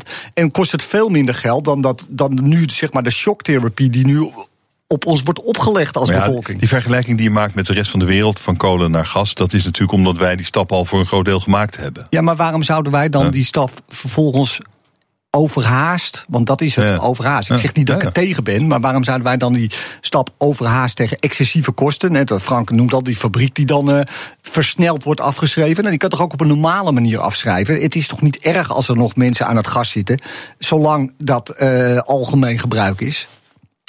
Um, ik ben benieuwd hoe, uh, hoe we hier de politieke discussie over gaan zien de komende tijd. Want als jullie mag geloven, dan gaat die er komen. Ik, wil ook zeker. Nog, ik wil met jullie ook nog praten over uh, de zaak Nicky Verstappen. Gisteren groot nieuws. Er is een verdachte. Uh, alleen hij is zoek. Die Jos Brecht, man van 55, schijnt een goede, goede bushcrafter te zijn. Die man is zoek. Um, de deze verdachte kwam uh, naar voren na een DNA-verwantschapsonderzoek.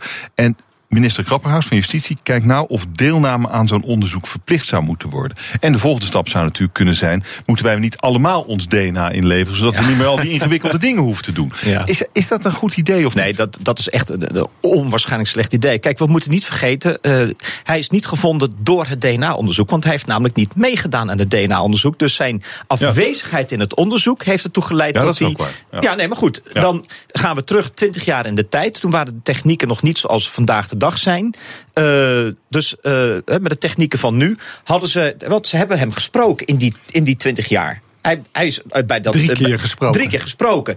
In de huidige tijd, want toen had hij natuurlijk nog geen mobiele telefoon, zouden we ook zijn mobiele telefoon hebben uitgelezen. Van god, maar waar is die meneer dan allemaal geweest? Hey, wat gek. Hij was op dezelfde plek als waar we het lichaam hebben gevonden. Dus het is helemaal niet gezegd dat omdat we nu DNA maar, hebben. Uh, hij zou nu waarschijnlijk wel gevonden worden, omdat ze meer mogelijkheden om gewoon technisch onderzoek te doen. Ja, maar hij, er is wel een DNA-test geweest waaruit bleek dat er een één op één match is met het DNA-materiaal dat op Vanuit het lichaam van, van, van Nicky... Ja, na, nadat ze zijn ja, spullen ja. hebben gevonden. Maar dan hadden ze hem, als, als dat dan in een databank had gezeten, dan was hij er meteen uitgekomen. Nee, dat, dat, dat is, bedoel. Ja, dan wel. Waar het om gaat is dat uh, hij uh, twintig jaar geleden hadden we niet de technologie die we vandaag de dag hebben. Mm. Vandaag de dag, zoals ze hem hebben gesproken, zouden ze ook zijn telefoon hebben uitgelezen. Waar is die man mm. geweest?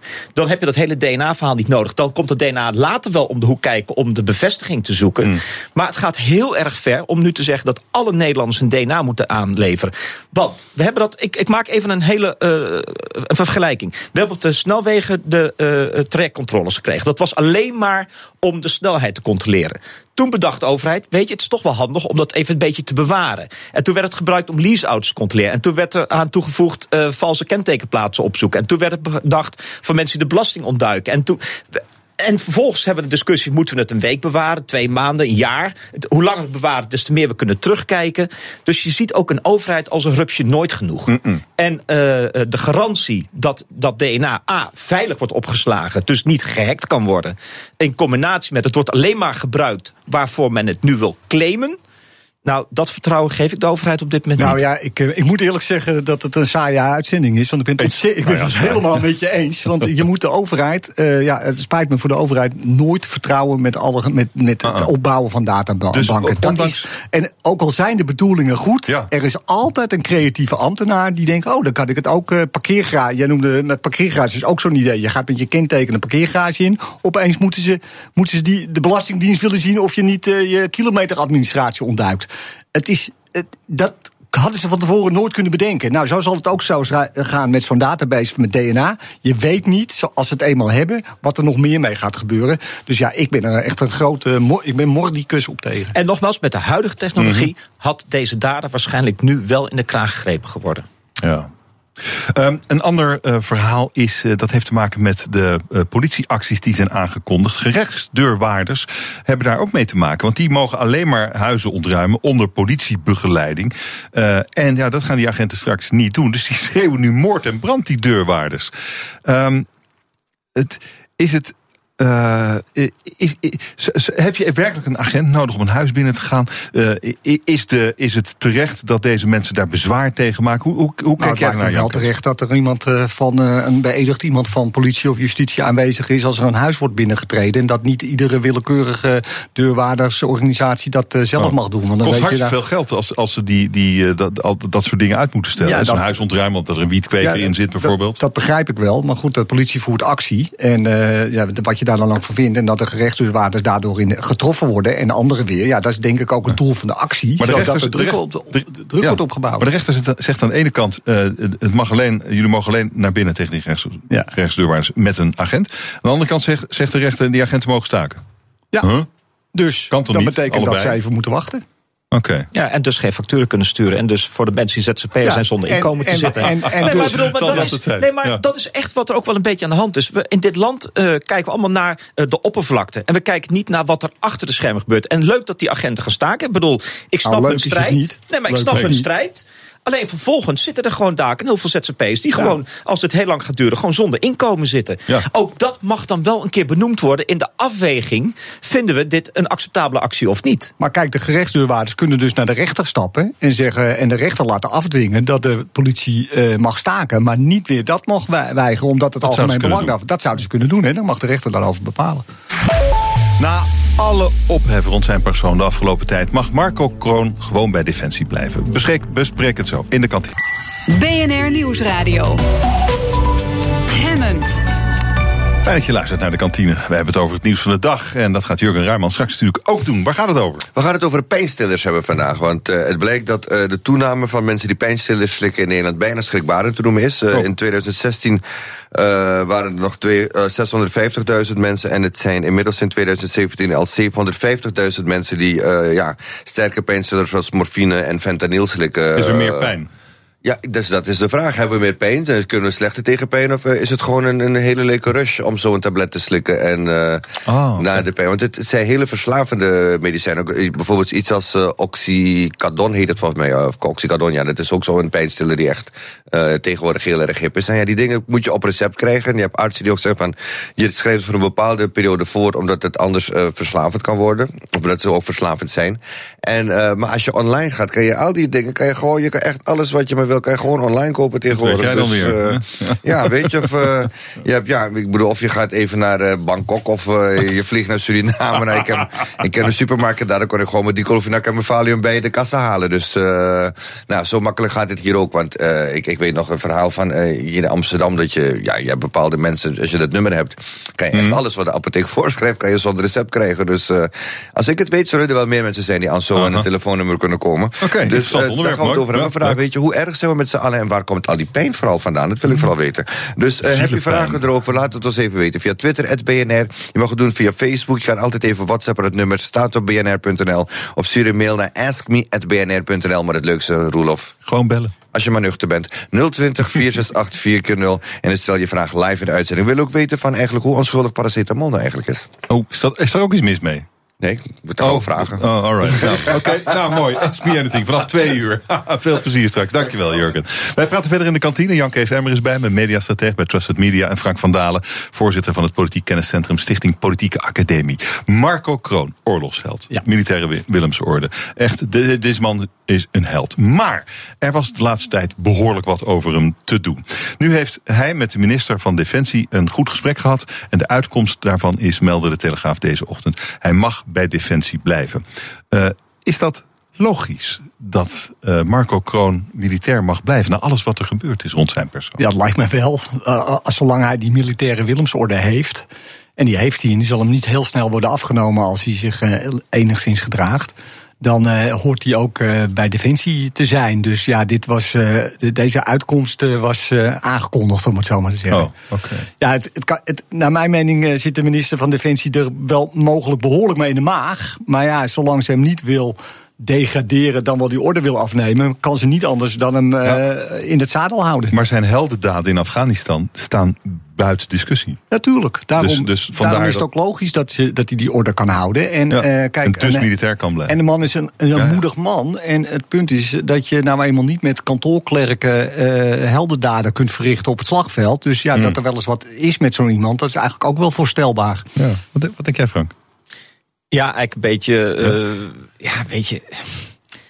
Het is een hoop gedoe. Het enige wat natuurlijk wel gewoon zonde is, is dat langzaamaan dat de reden waarom hij die Willemsorde heeft gekregen, langzaamaan naar de achtergrond verdwijnt.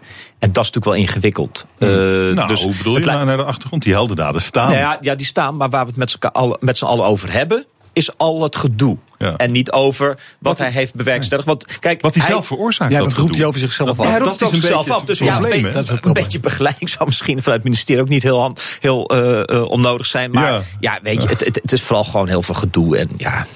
Uh, zou hij nu uh, een soort van. Hoe, krijg je nou zo'n man die. Ja, ik ben met je eens met kantoorklerken win je de oorlog niet. Maar het is natuurlijk een beetje een wilde man, denk ik. Ja, ja en, en, en, hij, zit nu, hij zit waarschijnlijk nu achter een bureau bij Defensie. Maar hoe, hoe moet Defensie met zijn helden omgaan? Dat is hier eigenlijk de vraag. Nou ja, de vraag is meer hoe gaat hij met zijn heldendaden om? Hij heeft de Willemsorde gekregen. hij, heeft, hij snapt ook, dat heeft hij ook een aantal keer aangegeven, dat daar ook wel iets bij hoort. Hè? Je, statuur, je, wordt, je, je ontmoet de koning wat vaker dan een gemiddelde Nederlander. Nou, dat soort dingen. Ja, er hoort ook een bepaald gedrag bij. En dat kun je wel of dat kun je niet. Nou, hij heeft Hmm. daar blijkbaar wat uh, moeite mee. Uh, en dat is natuurlijk niet iemand vanuit het ministerie die hem dag en nacht uh, aan het handje neemt. Dus ja, als hij een boek schrijft, schrijft hij een boek. En ja, ja dan schrijft hij dingen op waarvan anderen zeggen: dat is niet waar. Ja, hoge bomen vangen veel wind. Ja, weet je, dat is toch ook en wel een beetje ook gewoon, Hij moet ook gewoon zijn geld verdienen. Hè? Dus dat is natuurlijk ook het punt. Ja. Van uh, ja, hij, is, hij, hij, hij, ligt niet aan het infuus. ja, hij heeft dan een inkomen van, van Defensie een beetje. Maar dat, zal, dat is ook vaak niet heel veel. Dus ja, dat die man ondernemend is en probeert er ook nog geld aan te verdienen aan zijn status. Ja, dat is eigenlijk ook wel voorstelbaar. Ja, jongens, Marco Kroon is gewoon een held. En dan ja, moet je maar gewoon wat zo van pikken. Zo simpel Ja, is het eigenlijk. Het openbaar vervoer, we hadden het al even over in het vorige blok. Uh, dat raakt uh, uh, vol. vooral in Rotterdam en Den Haag barsten de bussen en de trams en de metro uit hun voegen. RET in Rotterdam slaat nu alarm. Eh, het afgelopen half jaar is het aantal passagiers veel harder gegroeid dan verwacht. Er moet meer geïnvesteerd worden in het openbaar vervoer in de Radstad, zegt de baas van de RET. Luister. Het gaat natuurlijk wel de klanttevredenheid raken. Kijk, op het moment dat het product minder aantrekkelijk is, omdat je niet meer mee kan, dan gaan mensen natuurlijk alternatieven zoeken. Ja, en die alternatieven zitten ook vol. Er zijn ook files in de Randstad. Dus dat is geen alternatief. Dus we moeten echt uh, gaan investeren. Ja, is klare taal. En snel ook. We hadden het er al over, uh, uh, het gas. Maar ondertussen deze man ziet gewoon dat zijn hele systeem vastloopt. Kijk, ik wil het aan, ik, ik wil het van zeggen. Ik vind het aan de ene kant heel goed nieuws dat hij dat zegt. Dus kennelijk weten we als, als samenleving steeds meer het openbaar vervoer Mhm. te omarmen en te gebruiken als middel van, om van A naar B te komen. Nou, dat is echt 10, 15 jaar geleden was dat echt wel anders. Want dan had het een heel negatief imago en dan stapten we liever met z'n allen in de auto. Dus wat dat betreft is het heel goed nieuws. Maar ja, nu moeten we wel door en mee investeren en capaciteiten uitbreiden, zodat we ook met z'n allen mee kunnen. Nou, hier in Amsterdam is net de Noord-Zuidlijn geopend ge- heel veel gedoe van tevoren. Maar nu die er is, is iedereen heel blij. En eh, zeggen ze, nou, laten we nog een lijn gaan aanleggen. Nou, zijn we weer 15 jaar verder. Maar, maar dat, die investeringen die hij voorstelt, die moeten er wat dat betreft ook komen. Omdat je zult zien dat steeds meer mensen uit de auto dit soort, eh, dit soort vervoersmiddelen gaan, eh, gaan, gaan gebruiken. Maar het is ook, misschien moeten ze ook gewoon een beetje slimmer worden bij het openbaar vervoer. Eh, eh, in de zin van, nou kunnen die, eh, kunnen die stellen, die, die treinstellen misschien automatisch rijden, kunnen ze vlak achter elkaar rijden. Zodat je, dan kan je in één klap de capaciteit van het spoor verdubbelen misschien wel. Nou, Dus, oh, ja, zo- zo dra- ik draaf nu een beetje Ja. door, neem niet kwalijk. Nee, maar wat NS natuurlijk, de NS, op dat punt is de NS natuurlijk enorm aan het experimenteren eh, met hè, iedere 10 minuten rijden, eh, treinen dichter op elkaar zetten. Maar ja, zolang wij nog mensen aan het stuurwiel hebben, is er toch een behoorlijk risico. Dat geldt ook voor, voor een Noord-Zuidlijn. Dus geen enkele reden waarom dan nog iemand op de bok zit. Alleen de, de, de reiziger vindt het een heel, heel eng idee. Maar als je dat volledig automatiseert en robotiseert, eh, maar ja, dat kost ook weer werkgelegenheid en ook wel wat investering. Eh, dan kun je inderdaad die capaciteit verder vergroten. Maar hoezo ook, vind jij het eng? Nee, Om in een robot- nee want ik, ik, eh, ik was in, bijvoorbeeld in Kopenhagen, rijdt tussen de, het vliegveld en de binnenstad, rijdt een vol, volledig geautomatiseerde eh, metro. Die eh, voortdurend heen en weer aan het rijden is. Ja. En een aantal keren stopt en mensen stappen in, stappen uit. Ik zie daar geen conducteur of eh, machinist eh, in die trein. Dus het kan wel degelijk. We kunnen zelfs auto's zonder een vastgelegde rails laten rondrijden. En dat gaat ook. hè, dat- we hebben, vaak goed. Nee, sterker nog, het aantal incidenten met die auto's veel en veel lager Ja. dan vergelijking met auto's die worden aangedreven door mensen achter Mhm. het stuurwiel. Dus op dat punt kunnen we inderdaad een slag maken. Maar ja. Nou, kijk, de NS eh, staat wereldwijd bekend. Eh, ons, ons spoorwegnetwerk is het eh, meest intensief bereden van, de, van de wereld. En dat is ten verdienste van de NS. Kijk, en waar zit nog bijvoorbeeld een capaci- capaciteitswinst te halen... als we de conducteurs het, het zogenaamde rondje rond de kerk gaan, gaan rijden... waardoor ze kortere afstanden en, en op een slimmere manier nog weer rijden. Maar ja, daar zitten de vakbonden tussen. Want die zeggen dat eh, hoeven onze mensen niet te doen. Die Is mogen dat steeds- van- is dat nog steeds een groot issue? Dat is nog steeds een issue, want dat Ja? is nog steeds niet eh, ingevoerd. Jaren over. Ja, jaren gaat het. Maar het wordt niet ingevoerd omdat de bonden daar vol liggen. En dus mag nog steeds een conducteur gezellig van Den Helder naar Maastricht rijden... omdat hij dat leuk vindt. Terwijl het beter zou zijn als hij vier keer per dag van Den Helder naar Amsterdam heen en weer zou rijden. Maar ja, goed, dat, dat, dat, schip zal, hè, dat schip zal door de wal gekeerd worden. Er komt een moment waarop de NS eh, of eh, ProRail zeggen... weet je, Mhm. we vervangen het gewoon door eh, geautomatiseerde systemen... Ja. en we hebben die hele machinist niet meer nodig. Ik bedoel, daar gaat het uiteindelijk wel naartoe. Donald Trump, daar is hij weer, heeft gereageerd op de beschuldigingen van zijn advocaat Cohen. Het gaat over die, die, die, die porno-dames. Luister. Do you know about the payments? Uh, later on, I knew. Later on, but you have to understand, Ainsley, what he did, and they weren't taken out of campaign finance. That's a big thing. That's a much bigger thing. Did they come out of the campaign? They didn't come out of the campaign. They came from me, and I tweeted about it.